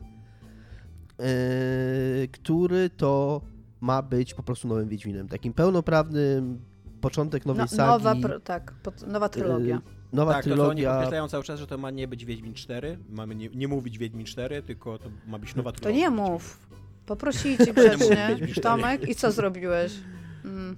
Uważam, że czwórka to jest legitna cyfra przy tytule gry. Ale tak jak God of War, nie? Też powinno nagle... być tak, nie powinniśmy, nie powinniśmy ba bać się y, czwórek. Wyjdzie teraz Yy. Half-Life 4 i wszyscy będą, wiesz, zdziwieni. A teraz to już w ogóle... Jaki ty jesteś dzisiaj w ogóle drive-byowiec? ty?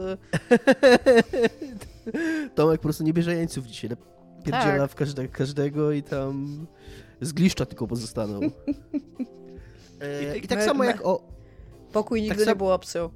Tak samo jak o Syriuszu, o Gwieździe Polarnej nie wiemy nic oprócz tego, że to jest coś, co ja wyrzeźbiłem z dupy z kolei, kiedy o tym pisałem, że jest to jedyny projekt, przy którym CD Projekt nie podaje studia, które będzie to robić, bo przy wszystkich pozostałych podaje, że to będzie jakiś tam oddział firmy robić, jakieś studio, jak, coś, jak, jakiś partner.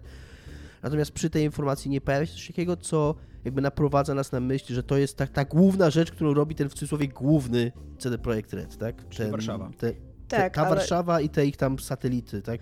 jeszcze jedno powiedzieli, że od czasu jak wyjdzie ten Wiedźmin 4, którego tak nazwał Tomek, a którego nie możemy tak nazywać, to przez 6 lat, jakby od tego momentu będą wydawane te kolejne części, czyli jak on wyjdzie, to pewnie 3 lata później będzie kolejne, 3 lata później będzie kolejna, bo to, to rozplanowali na 6 lat release date'ów, startując od pierwszego release'u. Tak, faktycznie jest taka informacja, że te 6 lat to też jest coś, co mm, prasa różnie o tym pisała, ale faktycznie jest mowa o tym, że te 6 lat liczymy od premiery. Yy, Tak, no bo jakby zakładam, że było to ogłoszenie z tym takim rysiem, tak? W sensie tym nowym, Tak. że tam The New Saga will begin, czy tam The New Saga begins.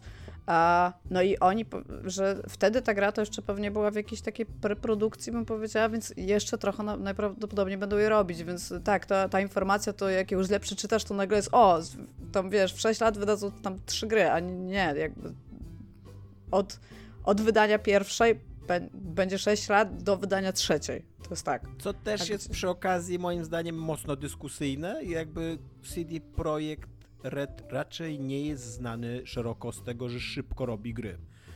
Zrobi... No, Wydanie w ciągu 6 lat trzech dużych open worldowych RPGów to jest bardzo duże tempo, yy, jak na taką firmę. Jak na firmę, która ma pracowała do tej pory tak, jak pracowała, co nie? Więc jeżeli oni naprawdę nie mają jakiejś mega strategii przejścia, kurde, w taki pipeline, kurde, Ubisoftowy i wypluwania z siebie gry, wielkich gry co roku, co dwa. ale em, też ci przypominam, że może oni teraz mają nowy silnik. Oni mają Tak. teraz Unreala, A tak? przy okazji Więc to może być teraz też... Unreala, tak jeszcze. Tak, e, ja się bardziej, e, znaczy ja bym chciała powiedzieć to, co powiedział Tomek a propos tego, że nie są być może tak historycznie znani z tego, że krótko robią gry, że ja się w ogóle cieszę, że to ogłoszenie, które jest, nie jest na żółtym tle. Bo mogliby tak zrobić i to by było super śmieszne, ale myślę, że któryś z akcjonariuszy mógłby dostać zawału, Tak. jakby to zobaczył, nie? Czy, czy swoją drogą, ja mogę teraz odświeżyć moją pamięć, ale czy któryś z panów, y, Adam, Michał, nie mówili kiedyś, że właśnie y, z podziwem o modelu biznesowym Ubisoftu i o tym takim, że Ubisoft jest w stanie z taką regularnością praktycznie rok do roku wydawać nowe gry? Ja nie pamiętam, czy oni Też akurat, ale wydaje mi się, że wszyscy tak myślą i że każdy No chciałby tak. mieć tę- tą formę Tak, w ręku, więc jakby, jakby zakładając, że nie mówimy tylko o oficjalnych wiadomościach, myślę, że kiedyś mógł tak powiedzieć. Dla mnie to jest w ogóle bardzo dziwne, moim zdaniem, że oni będą kopiować teraz Ubisoft, jeżeli by chcieli kopiować Ubisoft. Przecież oni są większą firmą niż Ubisoft, według e, wyceny, kurde, sprzed premiery Cyberpunka. E, ale tak, E, no, wydaje mi się, że każdy by chciał skopiować to, co robi Ubisoft, nie? Tak. Znaczy na pewno każdy typ y, na samej górze firmy, który chce bardzo dużo zarabiać. Nie wiem, czy wszyscy twórcy chcieliby robić gry Ubisoftu, ale mieć taki biznes model, jak ma Ubisoft, to jest takie go-to teraz rynkowe. I jeszcze będzie jeden Wiedźmin, tak? Tak. Y, trzeci projekt Wiedźminowy, czyli mówię, ten poprzedni, czyli Polaris, y, niesie ze sobą dwie gry, czyli no można na to spojrzeć tak, że to są trzy Wiedźminy zapowiedziane. I ostatni z projektów Wiedźminowych to projekt Canis Majoris. Wielka Yy, Niedźwiedzica to jest? To nie jest Wielka Niedźwiedzica, też myślałem. Wielka Niedźwiedzica to jest Ursam, Okej. Ursam Ale Major. rzeczywiście... Urs- Canis no. Majoris to jest, słuchajcie tego, też właśnie jak y, teraz jak To, to, jest, to jest... Słuchajcie tego.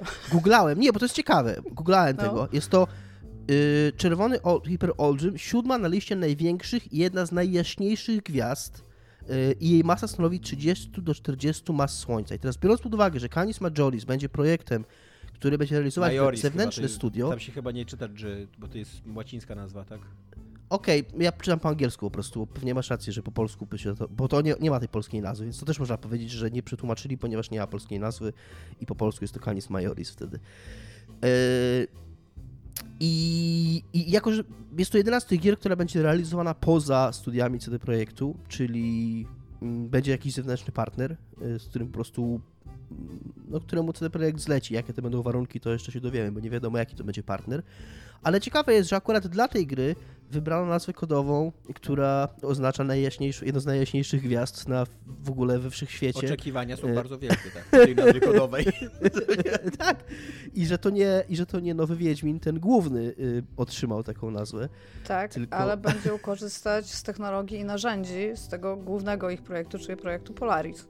Tak, tak. Y, I też pojawiły się takie y, przypuszczenia, że te nazwy kodowe jakoś tam nawiązują do szkół wiedźmińskich, tak? Bo tam coś tam, coś tam. Ale to już jest na tyle, na tyle daleko posunięte wróżenie z dupy, że... że Szycie z dupy. Ty. A nie Rzeźbienie rzeźbienie z z dupy. dupy? Przepraszam. Dobra, czyli myśl, może... Ja, ja szyłam przed chwilą z dupy, nie? Czy rzeźbiłam? Rzeźbiłaś nie wiem już. Wydaje mi się, że Nie rzeźbiłaś nie wiem, nie wiem jaki, przy, jaki czasownik wykonywałam z dupy, nie?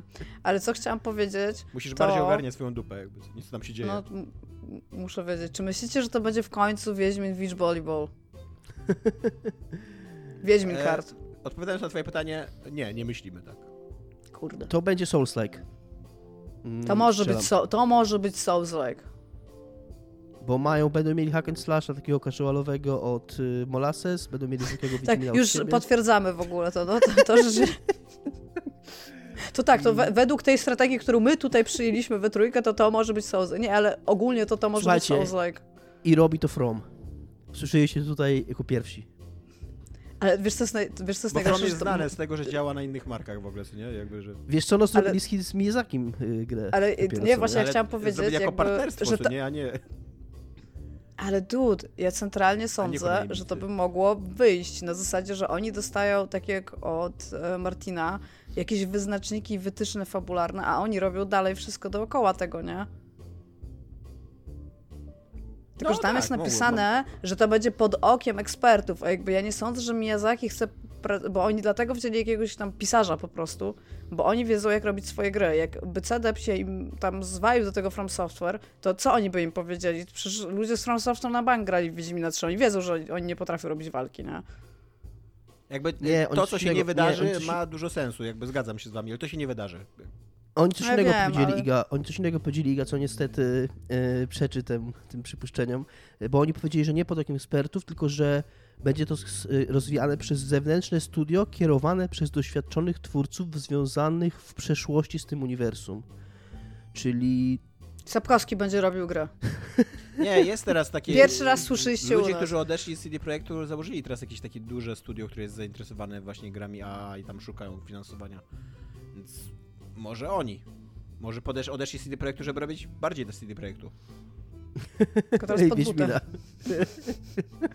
Dobra, i kolejny projekt cyberpunkowy? E, tak, i projekt Orion, tak jak powiedział Tomek po polsku, e, który będzie nowym cyberpunkiem, e, kontynuacją e, stworzoną przez studio w Bostonie. CD Projekt w tym celu zakłada nowe studio pod szyldem CD Projekt Red North America. E, I tak. Relokuje i... tam pracowników z Polski i z, z Vancouver, bo mają też studio w Tak. Vancouver. Mamy Tak. nadzieję, że Między- dobrowolnie ich relokuje. Tam też w Bostonie będzie Molasses Flood, ale to nie, to nie będzie to studio i ten projekt, który robi Molasses Flood, co jest określone konkretnym zdaniem, gdzie jest napisane, że to nie będzie ten sam projekt, pomimo tego, że wszyscy będą w Bostonie. Tak, pan Paweł Sasko, czyli Quest Director i taka chyba, jeżeli chodzi o kreatywną część tej gry, przynajmniej najbardziej widoczna osoba w y, social mediach i na internecie, y, poinformował, że, y, że on się przenosi do Bostonu, by tam budować to nowe studio i że core team, czyli jakby rdzeń zespołu odpowiedzialnego za Cyberpunka 2077 również przenosi się do Bostonu.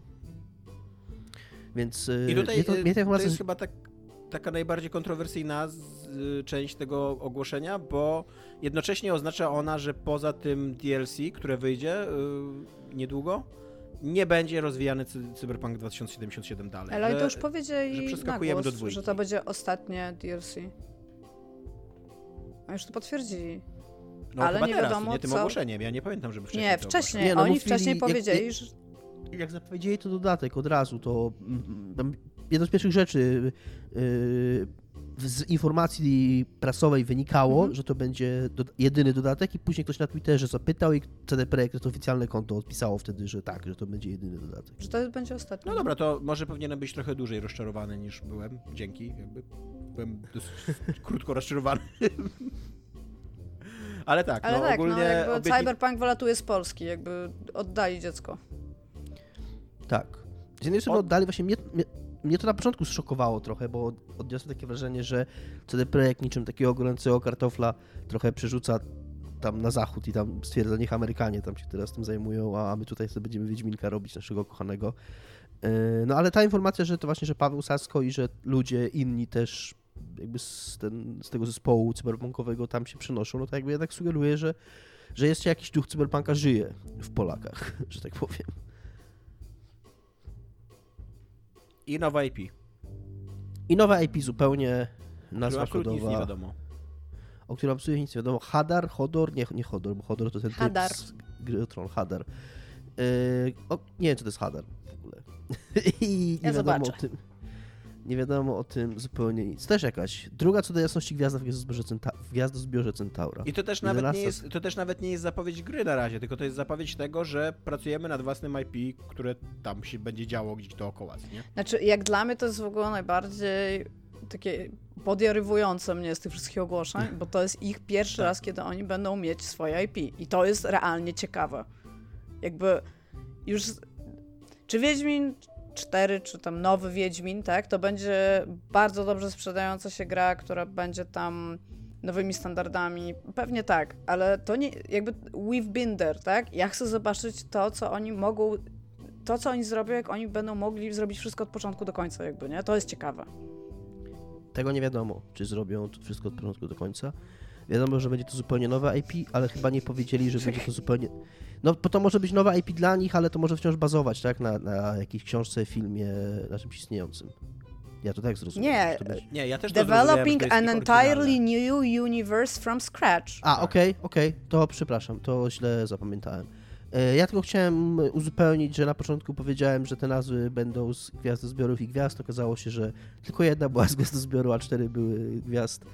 E, Więc również to źle zapamiętałem, ale mam nadzieję, że tenże segment profesjonalnie skomentowany e, z przewidywaniami, m, które, z którymi się skonfrontujemy zapewne za jakiś czas i o których nawet jeżeli my się nie skonfrontujemy, to na pewno nasi słuchacze nie omieszkają nam o tym za kolejne lata przypomnieć, jakie były nasze przypuszczenia. I jednocześnie, em, Ja, co jest ja mam do was, no, ja bo ja to- się chciałam zapytać, bo tak ogólnie ostroiliśmy ten ostatni projekt. Myślicie, że tak w ogóle strzelając, to będzie jakiś steampunk, sci-fi? Nie mam pojęcia. I Fantasy. Mi się wydaje, że jakby osraliśmy go, dlatego że szyjemy z dupy, więc to się musiało w końcu przejść, że później skończyć, co nie, że coś osramy.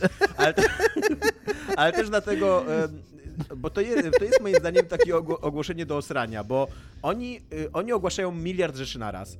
E, Tak naprawdę to nie, jest, to, to nie są jeszcze ogłoszenia konkretnych rzeczy, bo to, że powstanie Wiedźmin 4, ok, to jest ogłoszenie, ale to, że powstanie Wiedźmin 5 i 6, to nie jest ogłoszenie. To jest y, fikcja na razie, na, tym, na, na, na, ten moment, moim zdaniem, nie?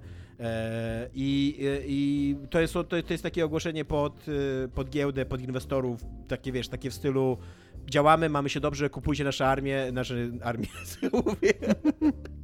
kupujcie nasze akcje, e, kupujcie nasze akcje, mamy się dobrze i tam będziemy rosnąć w siłę i, i mamy ale tak dalekosiężne się stało plany. dokładnie, tak? Giełda odpowiedziała. Tak, tak, To tak się się potem ugruntowało, ale jakby na samym początku to widać było, że, że dygnął, że tak powiem. Tak. E, Jednocześnie, Pasek. jednocześnie tam się dzieją właśnie duże zmiany w strukturze w CD Projektu, co nie, oni twierdzą, że dostosowują twoją, swoją strukturę właśnie do takiego bardziej pracowania na wielu projektach na raz. E, właśnie przechodzą na e, Unreal 5, który też z drugiej strony może im em, ułatwić produkowanie wielu gier, bo jest jednak tam silnikiem, który znają ludzie, a nie ich prywatnym silnikiem, który wszyscy muszą poznawać od nowa, co nie? Jednocześnie Iwiński odchodzi z y, funkcji CEO, co nie? Więc to są takie bardzo biznesowe.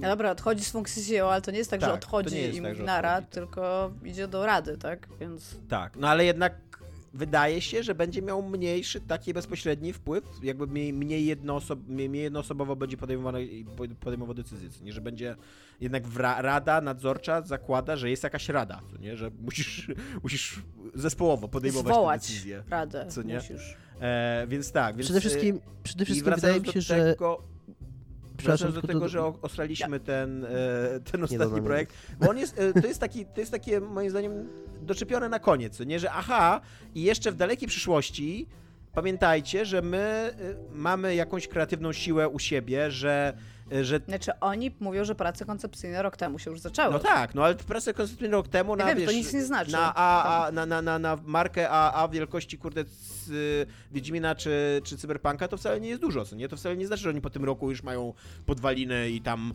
wiesz, lorebook Dobra, ale napisany dude, i tak dalej, Tak, nie? ale to nie musi być wielki open world RPG, to może być karcianka. Też mają studio od karcianki. Myślę, że myślę, że nie o to chodzi w tym ogłoszeniu. Myślę, że myślę, że im chodzi o to, żeby dać ludziom znać, że w bardzo dalekiej perspektywie mamy jeszcze kolejną, wiesz, jeszcze No, kolejną tak, markę i będziemy jeszcze więksi, jeszcze wspanialsi, jeszcze silniejsi, jeszcze drożsi. I ja, akurat mnie to najbardziej interesuje. Tak, wiem, że to jest bardzo, bardzo daleko w przyszłość, ale ja chcę zobaczyć, co CD robi, kiedy CD pracuje sam. No, to, to, też jest, to jest bardzo interesujące. Też chcę zobaczyć, ale uważam, że dzisiaj, wiesz, tak jak się nas pytałeś, czy to będzie steampunk czy coś, to absolutnie nie mamy żadnych przesłanek, żeby cokolwiek tutaj wyrukować. To Dlatego może możemy powiedzieć Militarny shooter. Punk, punk. Militarny shooter. Punk, punk, w którym Nas- jesteś pracownikiem korporacji, totalnie przysterzysz się, się nie buntujesz i umierasz, ty. Bunt przeciwko buntowi. Albo taka metagra, że nową grę CD Projekt Red stworzysz ty. Bo może to ty CD jesteś Projekt ma do już. niej wszystkie prawa i ty może jesteś, sprzedawać do tak. strony śmierci, co nie? Więc tak. Iga, co jest grane u ciebie? Ja rozpoczęłam, ja sobie pograłam w kilka rzeczy. Najpierw powiem o takich, która moim zdaniem jest najważniejsza, bo nie, nie jest to stara gra. E, W sensie wyszła 22 chyba września tego roku i wskoczyła do Game Passa. Nazywa się Beacon Pines. To jest taka przygodóweczka, się chodzi takim małym mielonkiem, który się nazywa e, Luca the Horn, ale cała gra jest taka jakby e, narracyjnie zapośredniczona w książce.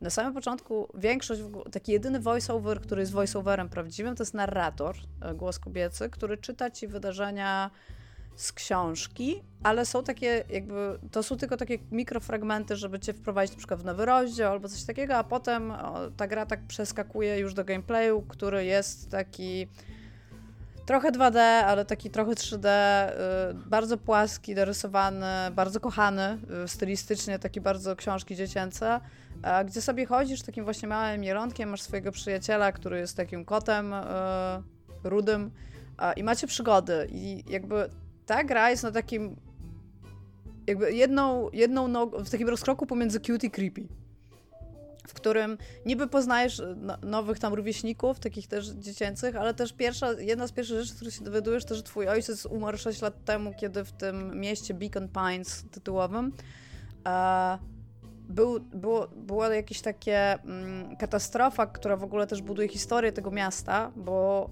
to miasto się, y, tam mieszkali farmerzy i tam była taka wytwórnia nawozów, no, fertilizer, tak, nawozów. I doszło do jakiegoś, jakiejś draki strasznej, tam ludzie zginęli i też jakby ta ziemia została skażona, więc to miasto jest takie trochę jak to zamykające się kopalniane miasto w e, Night in the Woods. W sensie widać tam zamknięte sklepy, widać, że ta gospodarka tam już trochę nie funkcjonuje i nie działa. I to się nazywa tak historycznie w tym mieście, że to był Fall Harvest. Że 6 lat temu był Fall Harvest i oni do dzisiaj się z tego zbierają. Wciąż wyrywają tam zgniłe marchewki z ziemi i tam whatnot. No i to się zaczyna właśnie faktem, że wiesz, że twój ojciec gdzieś wtedy umarł, a twoja matka kilka miesięcy temu zaginęła. Po prostu jest missing. Nie, nie jest powiedziane, że wstała i wyszła, czy się obudziły się i nie było. Nie ma jej. Więc tobą się opiekuje twoja babcia, która przyjechała i ty z nią nie masz w ogóle dobrego kontaktu. Oni głównie milczą pomiędzy sobą. Ona się tak stara nim zajmować, ale tak trochę jej nie wychodzi. No i ty ogólnie, cała intryga zaczyna się faktem, że ty się idziesz bawić, jak to małe dzieci i mali chłopcy w szczególności, aczkolwiek małe dziewczynki również, na opuszczoną fabrykę tego nawozu i tam okazuje się, że się rzeczy dzieją.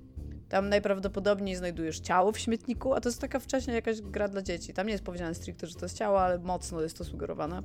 I że w tej fabryce zaczynają dziać się jakieś inne rzeczy. I teraz twist tej gry jest taki, że ty nie przychodzisz liniowo, tylko ty w trakcie tej gry znajdujesz pewne czasowniki. Na przykład chillować albo, nie wiem, płakać i raz na jakiś czas dochodzisz do punktu, do takiego wyboru, gdzie ty możesz użyć te czasowniki, które wybrałeś, i wtedy znowu wracasz do, te, do, tego, jakby do tego widoku książki, i ten narrator ci mówi: Ale Luka wiedział, jak zareagować. Wiedział, że teraz musi być, i na przykład złośliwy wybierasz. I to, w jaki sposób zareagujesz, jakie słowo wybierzesz, buduje ci tę historię w inny sposób. Natomiast, żeby całą tą historię poznać, Czy jako to doktor musisz polistyki, przepraszam, nie mogę się powstrzymać, mogę powiedzieć, że złośliwy to nie jest czasownik? E, możesz, bo nie jest. Nie, złośliwy? Jaki złośliwy? Ja mam ustawowe, ja mam ustawowe prawo, żeby, znaczy obowiązek ustawowy, żeby mówić takie Ale czasownik, czasownik to, wiesz, Przymiotnik grzebać. powiedziałam, czy nie? nie A to to przymiotnik. Chodzi mi o przymiotnik, przepraszam. Jaki, nie, jaka, jaki? Mówiłaś tak? wcześniej chillować, czyli że czasownik, to akurat bezokolicznik. Tak. No ale to też mówiłam jakby, bo, bo to jest jakby te, to, to jest różne. Tam masz rzeczowniki, czasowniki i przymiotniki które zbierasz. Jakby one nie są osobne, to są te same karty. To są Majorola, karty to się komplikuje w tym segmencie. A inne słowy? Pewnie też jakieś są, nie, nie pamiętam wszystkich tych. Mam nadzieję, jeżeli jakieś, to takie, nie? Przymiotnikowe, Jakby czynne, bierne? No dobra, masz słowa, masz słowa. Masz słowa, o słowa, tak, to jest do dobry, do, dobry umbrella term na te rzeczy, które zbierasz. Masz y, fonetyczny zapis, znaczy masz y, graficzny zapis fonetyczny, który tworzy pewne znaczenia na tych, na tych kartach. dziękuję, dziękuję. E, no i e, żeby poznać tę historię w całości, musisz przejść wszystkie odnogi, które są bardzo wdzięcznie zobrazowane jako drzewo, dosłownie jako drzewo. Te drzewka to jest po prostu drzewo. Więc na przykład niektóre z nich to są e, ślepe zaułki, że jeżeli nie masz jakiejś karty w tym, w tym danym wyborze, to jakby twoja historia się kończy i musisz wrócić do któregoś z poprzednich i użyć podczas tego wyboru jakiegoś innego słowa, żeby zobaczyć, co wtedy się stanie.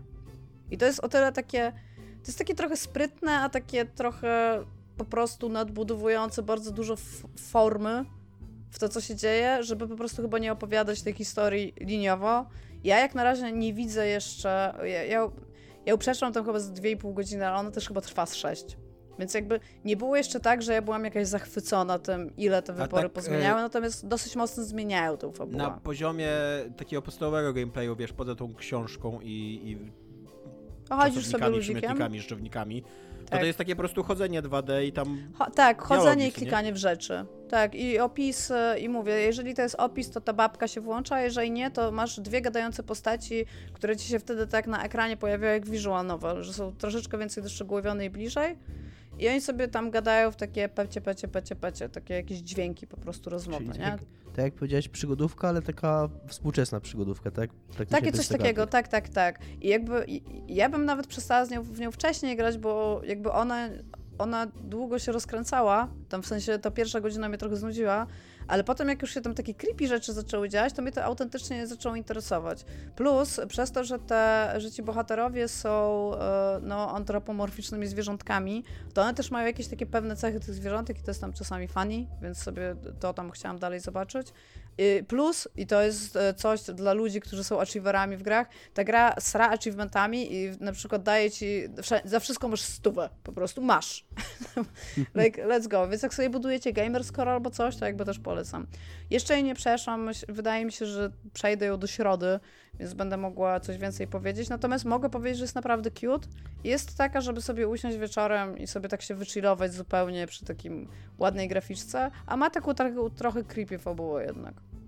Nie jest to horror w żadnym wypadku i nie jest to taki te, e, jakby creep jak w Oxenfree, w który powinnam zagrać, to jest jednak taki, to, to, to creepiness level już jest takie dosyć duże, to tutaj ono się tak czai i to jest takie nawet ciekawe, że ono się tak czai w tym cuteness.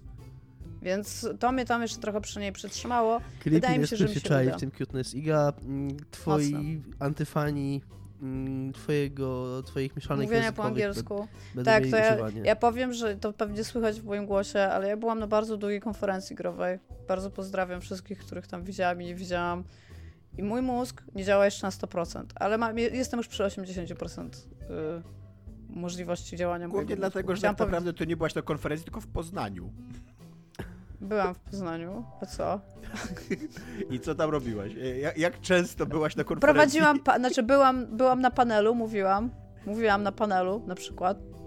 Robiłam zdjęcia i no okej, być może trochę balowałam, ale o tym nikt nie wie i nikt tego nie widział. Nikt. Żaden. I masz jeszcze jedno Więc- coś, do co jest grane, tak? Tak, bo ja ostatnio, ale to jako taką ciekawostkę, bo ja ostatnio coś odkryłam. E, Ja sobie raz na jakiś czas wchodzę na Steama i sobie patrzę, jakie są horrory.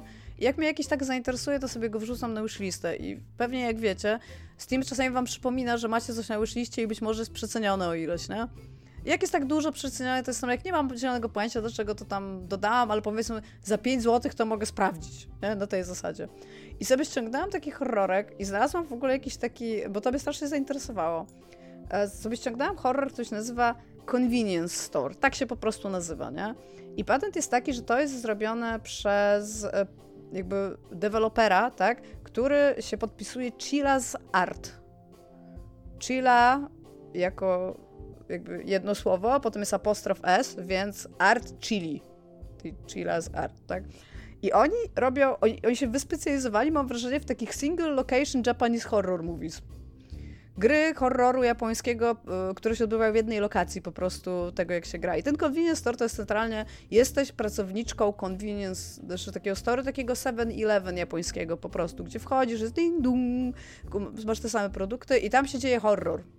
I te gry tam trwają z półtorej do dwóch godzin i one są jakby, pograłam jak na razie w dwie i one są more or less takie same, ale co jest super w nich, i to wam muszę od razu powiedzieć, to są gry robione pod streamy.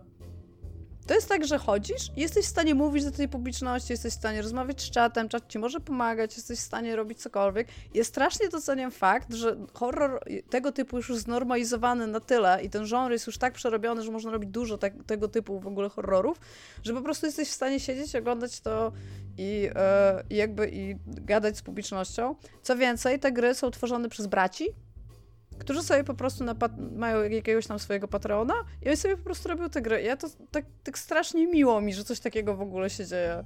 I chciałam zwrócić uwagę naszych słuchaczy, że istnieje taki trend i że takie giereczki w ogóle istnieją. Jest mi bardzo miło z tego powodu. Tylko tyle chciałam powiedzieć. Convenience Store, przepraszam, polecam.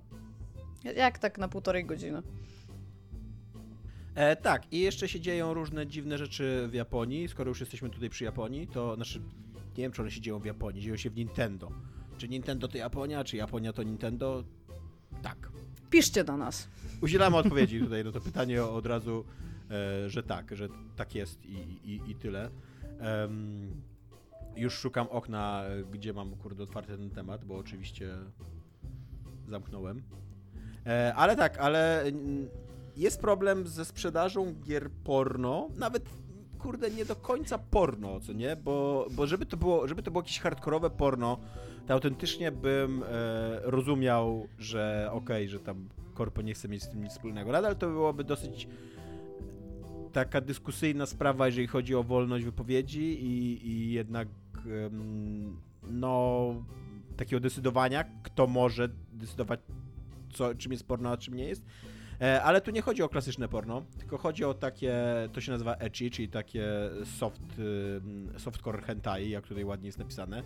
E, I chodzi o to, że istnieje sobie taka, taki mały, znaczy mały, pewnie nawet nie taki mały, bo to jest pewnie jakaś taka branża, która tam miliony, trylionów, kurde, jenów no, przynosi, ale mm, publisher, publisher, który się nazywa Ga, Gamuzami, Gamuzumi. E, I do tej pory on sobie mm, publikował na e, Nintendo eShopie e, swoje giereczki i one tam się jakoś sprzedawały. Tymczasem teraz jakby dostał ostrzeżenie, że kolejne swoje tytuły musi cenzurować bardziej niż do tej pory. E, że nie są, nie są dozwolone żadne cycuszki na konsolach. Dokładnie taką wiadomość dostali e, w sprawie gry, którą chcieli certyfikować, która się nazywa Elfie Święta Hentai Puzzle. E, Elf's Christmas Hentai Pu- Puzzle, co nie? Więc, e, więc totalnie jakby ja już jestem zainteresowany tą grą. I jeszcze, bo to dwie gry zostały zablokowane, druga się nazywa Hot Tentacle e, Shooters, nie? Tak, jest na Steamie za 17 zł, w razie co. tak. E, Kolega i- mi powiedział. I tak jak, e, tak jak tutaj przedstawiciele tej firmy mówią, że już teraz e, jest ciężko prowadzić taką działalność, e, a mm, to jakby to, to nie jest zakaz w ogóle sprzedaży tych gier, tylko oni, one się teraz cofnęły do procesu jakby, znaczy przed ten proces certyfikacji i one będą cenzurowane, bo jednak wydawcy zależy na tym, żeby te gry były sprzedaży i będą właśnie bez cycuszków, co nie?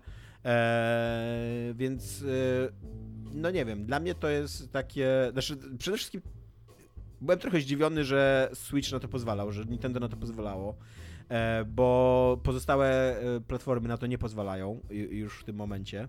E, I teraz już żadna, żadna platforma nie będzie pozwalała, o ile będzie konsekwentna w tej swojej polityce e, cenzurowania porno, nawet, y, nawet, nawet lekkiego porno, nie?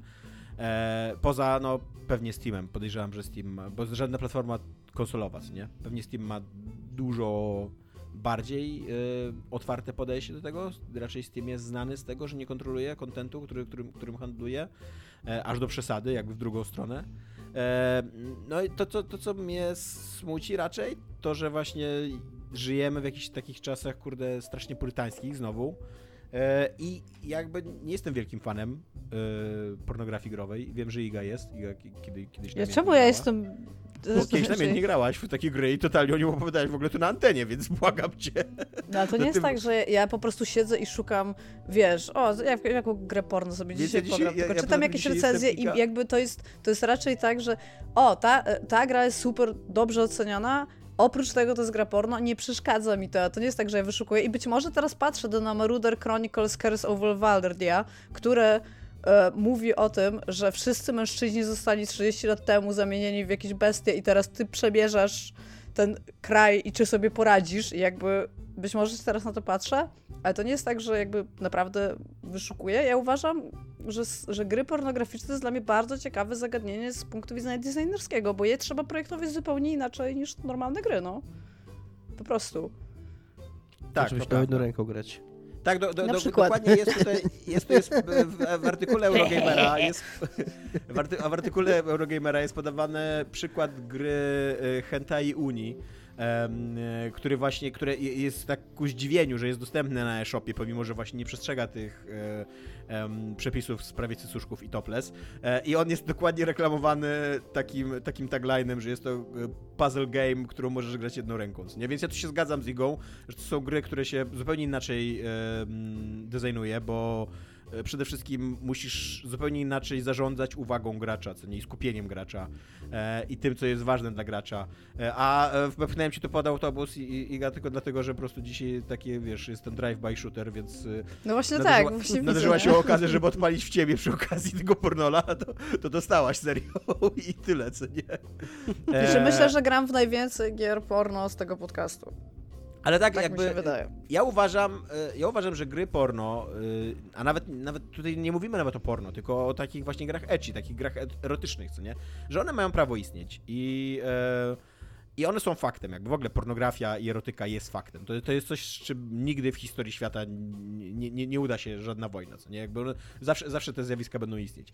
I, i, I takie właśnie całkowite bany, jakby takie wręcz absurdalne na to, że, że, że kobiecy biust jest po prostu um, nie, nie, nie, nie do zaakceptowania, są po prostu głupie i szkodliwe, co nie? Bo tak naprawdę zamiast przeprowadzić jakąś poważną rozmowę na punkcie, na, na, na temat tego, co tam możemy pokazywać, gdzie się zaczyna jakaś wrażliwość, gdzie nie, czy te, e, jak, jak zarządzać na przykład y, uprawnieniami do tego, kto kupuje na tych, w, w, tych sklepach i tak dalej, jak to, jak lepiej zrobić te systemy, żeby dzieci nie mogły kupować takich treści, żeby tylko dorośli mogli, to my ucinamy tą dyskusję tak e, w zarodku, co nie?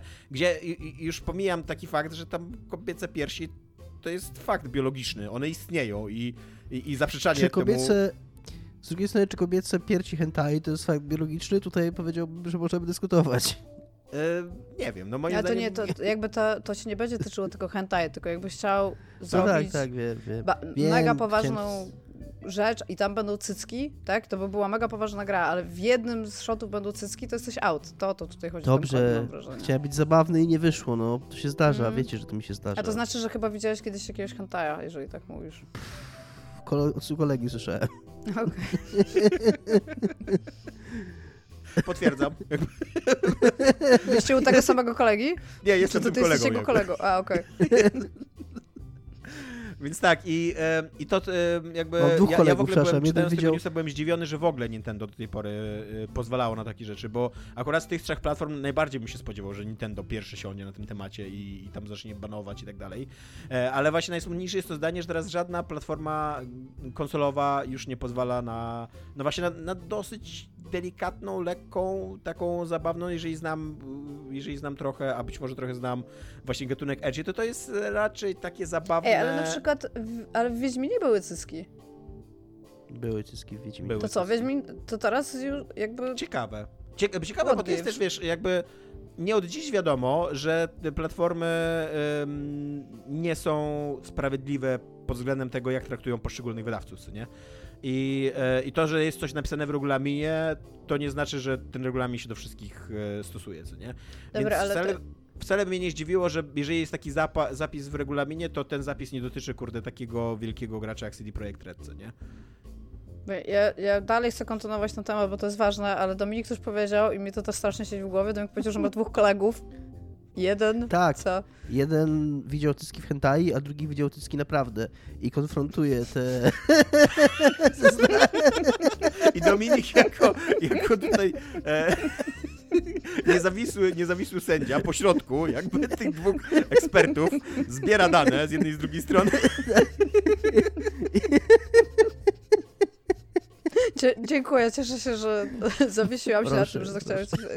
Tak, ja się ogólnie z tobą, Tomaszu, zgadzam, bo ja uważam, że bardzo wiele z tych gier, które nawet nie są stricte porno, tylko mają w ogóle jakiekolwiek elementy nudity, i fakt, że tego zabraniamy też oddala nas od faktu, żeby na przykład mówić o tych rzeczach bardziej, pokazywać, tak. że to ma różne twarze jakby i że wiele z tych rzeczy może znaczyć różne rzeczy i jakby im mniej będziemy o tym mówić, tym mniej będziemy z tego wyedukowani po prostu. Będziemy się mniej zastanawiać, będziemy bardziej zamknięci na niektóre rzeczy i to nie jest okej. Okay. My jesteśmy dorośli, jakby jak ja sobie kupuję, okej, okay, jakby ja rozumiem, że są pewne odpowiedzialności, które jakby są na certyfikowaniu i wydawaniu gier i to, że co się dzieje na Steamie, to to jest jakiś, to nie jest dobrze, tak? Ale wrzucanie wszystkich rzeczy do jednego worka, bo na przykład są tam cyski, nie jest okej. Okay. Jakby skropka. Tak, totalnie zgadzam się, a jakby pozycja rynkowa takich właśnie tych właścicieli platform, co nie w stylu Microsoftu, Sony i, i, i Nintendo, jest tak duża, jakby to, oni mają tak duży wpływ na ten biznes, że to nie jest do końca takie wolnorynkowe podejście, że oni sobie mogą robić na swoim sklepie co chcą, moim zdaniem, nie? Jakby to już jest takie podejście w stylu właśnie tego, jaki pierdolnik ma pod tym względem Facebook.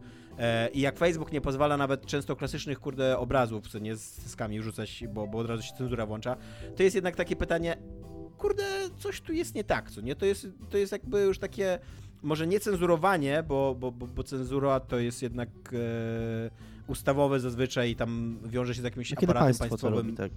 karą i tak dalej, ale jakieś takie wpływanie na dyskurs, na dyskurs publiczny, na, na właśnie jakieś takie nastawienie społeczne względem seksualności, którego ja bym się raczej nie spodziewał od kurde e, wielkich korpo, którego jakbym wolałbym, żeby wielkie korpo unikały ingerowania w takie tematy i one jakby trochę w imię właśnie takiego nieingerowania mają taką politykę, żeby zakazać wszystkiego, co nie? Tylko uważam, że to jest fatalna polityka, jakby, że to jest, że to jest fatalne wyjście z tego problemu, który istnieje. No, tak, zgadzam się. Dominik, się zapytaj kolegów zgadza. o zdanie.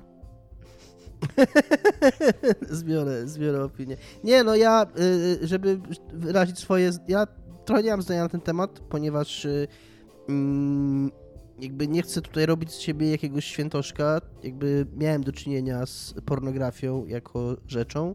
Natomiast nigdy nie interesowały mnie gry, y, ani pornograficzne, ani erotyczne, ani pod względem takim jakiego gameplayowym, ani pod względem jakichś, nie wiem, szukania jakichś podniet czy czegoś takiego. Jakby nie.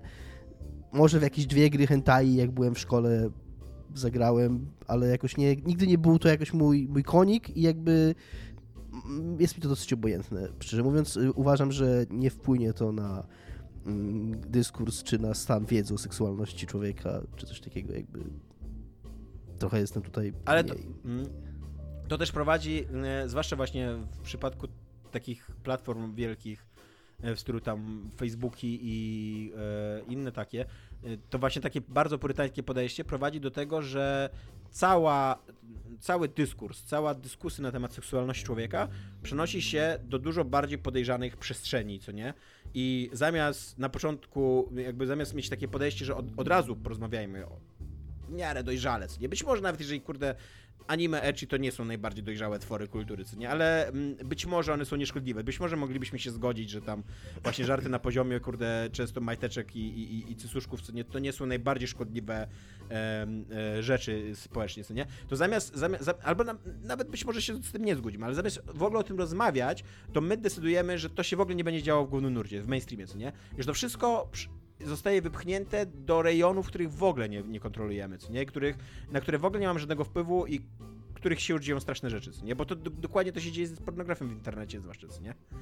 I obawiam się, że po- z, z pornografią i erotyką w giereczkach też, się będą, też to się będzie działo, właśnie dlatego, że jest em, no wypychana po prostu z głównego nurtu, nie?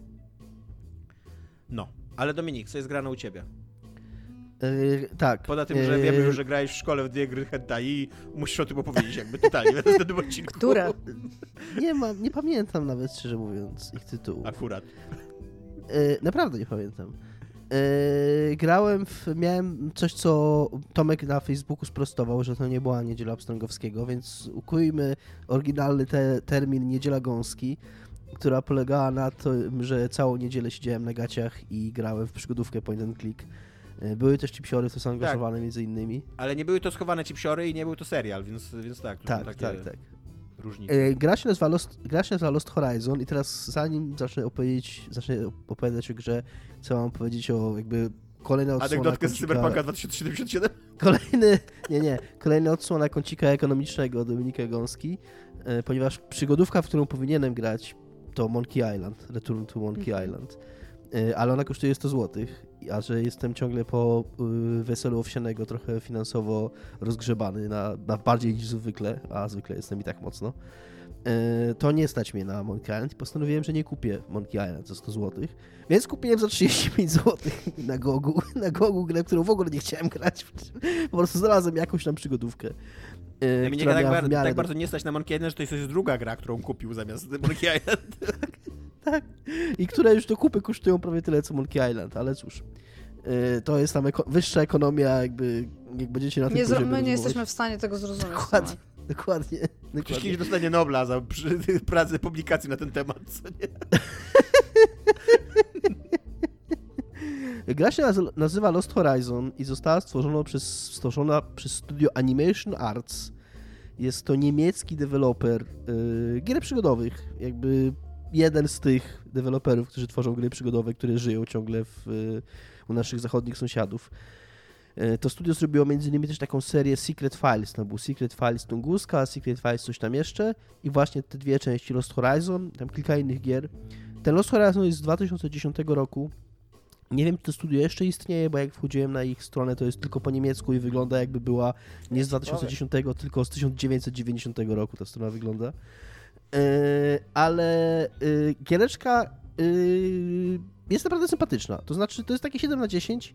Yy, to, co mnie skłoniło do niej, to, to jest taka gra, która z jednej strony jest yy, bardzo przewidywalna i bardzo taka oparta na kliszach, ale z drugiej strony stanowi idealne połączenie yy, formy i treści, gdyż jest to gra przygodowa, która również jest filmem przygodowym. To znaczy, to jest taka klasyczna wariacja na temat Indiana Jonesa, yy, czy Uncharted, czy Tomb Raidera, czy tego ja typu potwierdzam, rzeczy. ta strona jest, jest z lat 90. Dominik.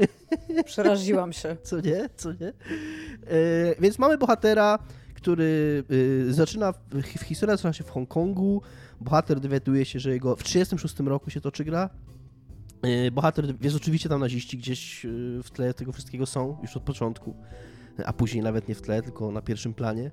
E, Dowiaduje się, że jego przyjaciel zaginął podczas wyprawy do Tybetu w poszukiwaniu jakiegoś tajemniczego klasztoru. E, Więc wyrusza z tego Hongkongu do Tybetu, tam się po drodze jakaś, e, jakieś motywy nadprzyrodzone okazują, że tam tajemnicza kraina Shambhala jest gdzieś ukryta i oni tej krainy poszukują. To jest dokładnie ta fabuła, która, mm, którą ma mm, Indiana Jones, którą ma Uncharted, którą ma Skarb Narodów, który ma każdy taki film e, w historii każda taka gra w historii. Natomiast jest to ciekawe, ponieważ, no mówię, gry przygodowe jakby w swoim w swojej nazwie i w swoich takich początkowych założeniach właśnie wydaje mi się mocno bazowały na takich historiach, na takim właśnie tra tradycyjnym kinie przygodowym E, i z czasem to się trochę rozmyło i jakby ta, ten akcent przygody w grach przygodowych wcale nie jest taki ważny i wcale nie jest taki oczywisty, więc z tego powodu mam bardzo dużą słabość. Też Broken Swordy były takimi grami. To też jest bardzo taka historia, bo oczywiście mamy pana i panią i oni się, się przekomarzają, ale tak naprawdę coś, coś do siebie czują. Yy, podczas tej historii ta gra mi zajęła coś, coś 14 godzin i tenże główny bohater w ciągu tych 14 godzin yy, jak mówię, zaczyna się w Hongkongu, w, Tybe w Tybecie, później jest w Marrakeszu, w Berlinie, w Wawelsburgu w Niemczech yy, i w Indiach. Czyli taka, wiecie, skacze po tym świecie, jest ten taki, oczywiście z Indiana Jonesa taka mapa, po której taki czerwony, mm, czerwona kreska idzie jak leci. Samolocik leci albo jak koleją ten jedzie, to jest taka w tle pociąg jedzie. Wszystko jest dokładnie takie, jak możecie się spodziewać. Natomiast ja się przez większość czasu bawiłem spoko, mimo że ma dosyć kiepskie zagadki. Yy, I ona robi coś, co ja, czego ja, co nie przypadam w przygodówkach, to znaczy mm, ja bardzo często mówię, że nie lubię systemów wskazówek yy, i nie korzystam z systemów wskazówek. Yy, Z dwóch powodów. Po pierwsze, to jest takie oczywiście ambicjonalne podejście, które mi tam zostało, wiecie, z, z czasów y, dziecięcych, kiedy tam to był jakiś taki, wiecie, jakaś taka odznaka, taki badge of honor za przeproszeniem, taki, nie wiem, taki powód do dumy, tak, że, że się przeszło grę przygodową bez solucji. Ale też uważam, że twórcy gier przygodowych bardzo często, kiedy umieszczają w nich system wskazówek, to są dużo bardziej leniwi w projektowaniu zagadek. Uważam, że dobrze zaprojektowana gra przygodowa powinna mieć zintegrowane w cudzysłowie wskazówki w sam swój design. To znaczy zarówno y, projektem lokacji, dialogami, tym co bohater mówi podczas używania różnych przedmiotów, to to powinno naprowadzać stopniowo i inteligentnie gracza na rozwiązanie, a nie system hintów. Y, I wydaje mi się, że, że, tacy, że właśnie tacy powiedzmy gorsi w cudzysłowie twórcy gier przygodowych, y, kiedy mają system hintów, to trochę czują takie lenistwo designerskie. I ta gra ma coś podobnego. Ona nie ma wprawdzie systemu hintów, ale ma pewną, tak, pewne takie ustępstwo robi w tradycyjnym słowniku, takim y, czasowników gier przygodowych, powiedzmy, mówiąc bardzo tak y, żargonem y, game designerskim. To znaczy, mm, kiedy używasz przedmiotów, to normalnie w grze przygodowej wybierasz przedmiot, klikasz na inny przedmiot i wtedy dostajesz efekt. Bohater ci mówi, tam, czy może to zrobić, czy nie może tego zrobić. A tutaj wybierasz przedmiot i już jadąc tym kursorem z wybranym przedmiotem, widzisz, czy możliwa jest interakcja. Więc w ten sposób można bardzo szybko, na przykład wybierając jeden przedmiot z ekwipunku, bardzo szybko przejechać nim po całej lokacji, po wszystkich innych przedmiotach i widzisz jakby co da efekt.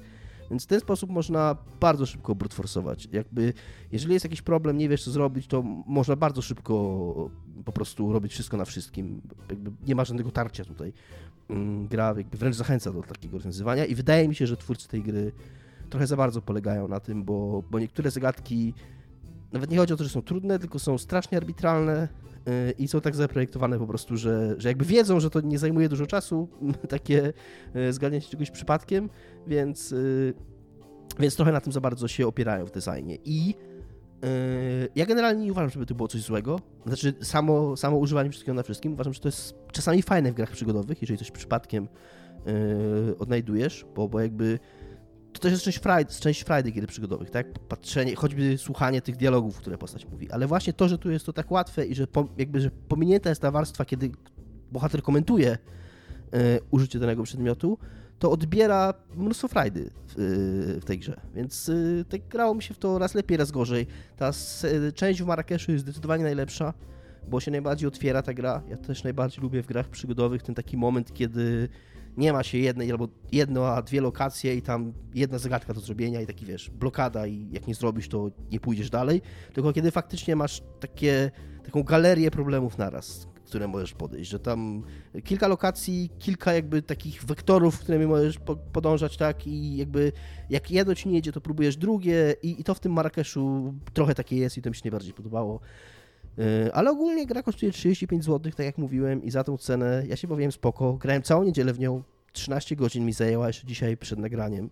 Tam pół godziny grałem, bo tak czułem, że już ją skończę, chciałem skończyć, przejść do końca. To znaczy skończyć, tam super Dominik. Dobrze, że to wyjaśniłem, doprecyzowałem. Yy, yy, Ale tak, ale za 35 zł takie 14 godzin takiej spoko przygodowej zabawy to jest takie dla mnie 6-7 na 10, ale takie sympatyczne to było i, i, ogólnie polecam dla Ja- fanów gatunku. Animation Arts e, wciąż istnieje w 2022 roku, czy w roku bieżącym, e, mają grę Monolith, która Okej. jest science fiction na 6 do 8 godzin. Okay. Wygląda Może ładnie. się zainteresuje. Może się... Tak, i właśnie jeszcze to, co. mm, dobrze, że ja zwróciłem uwagę.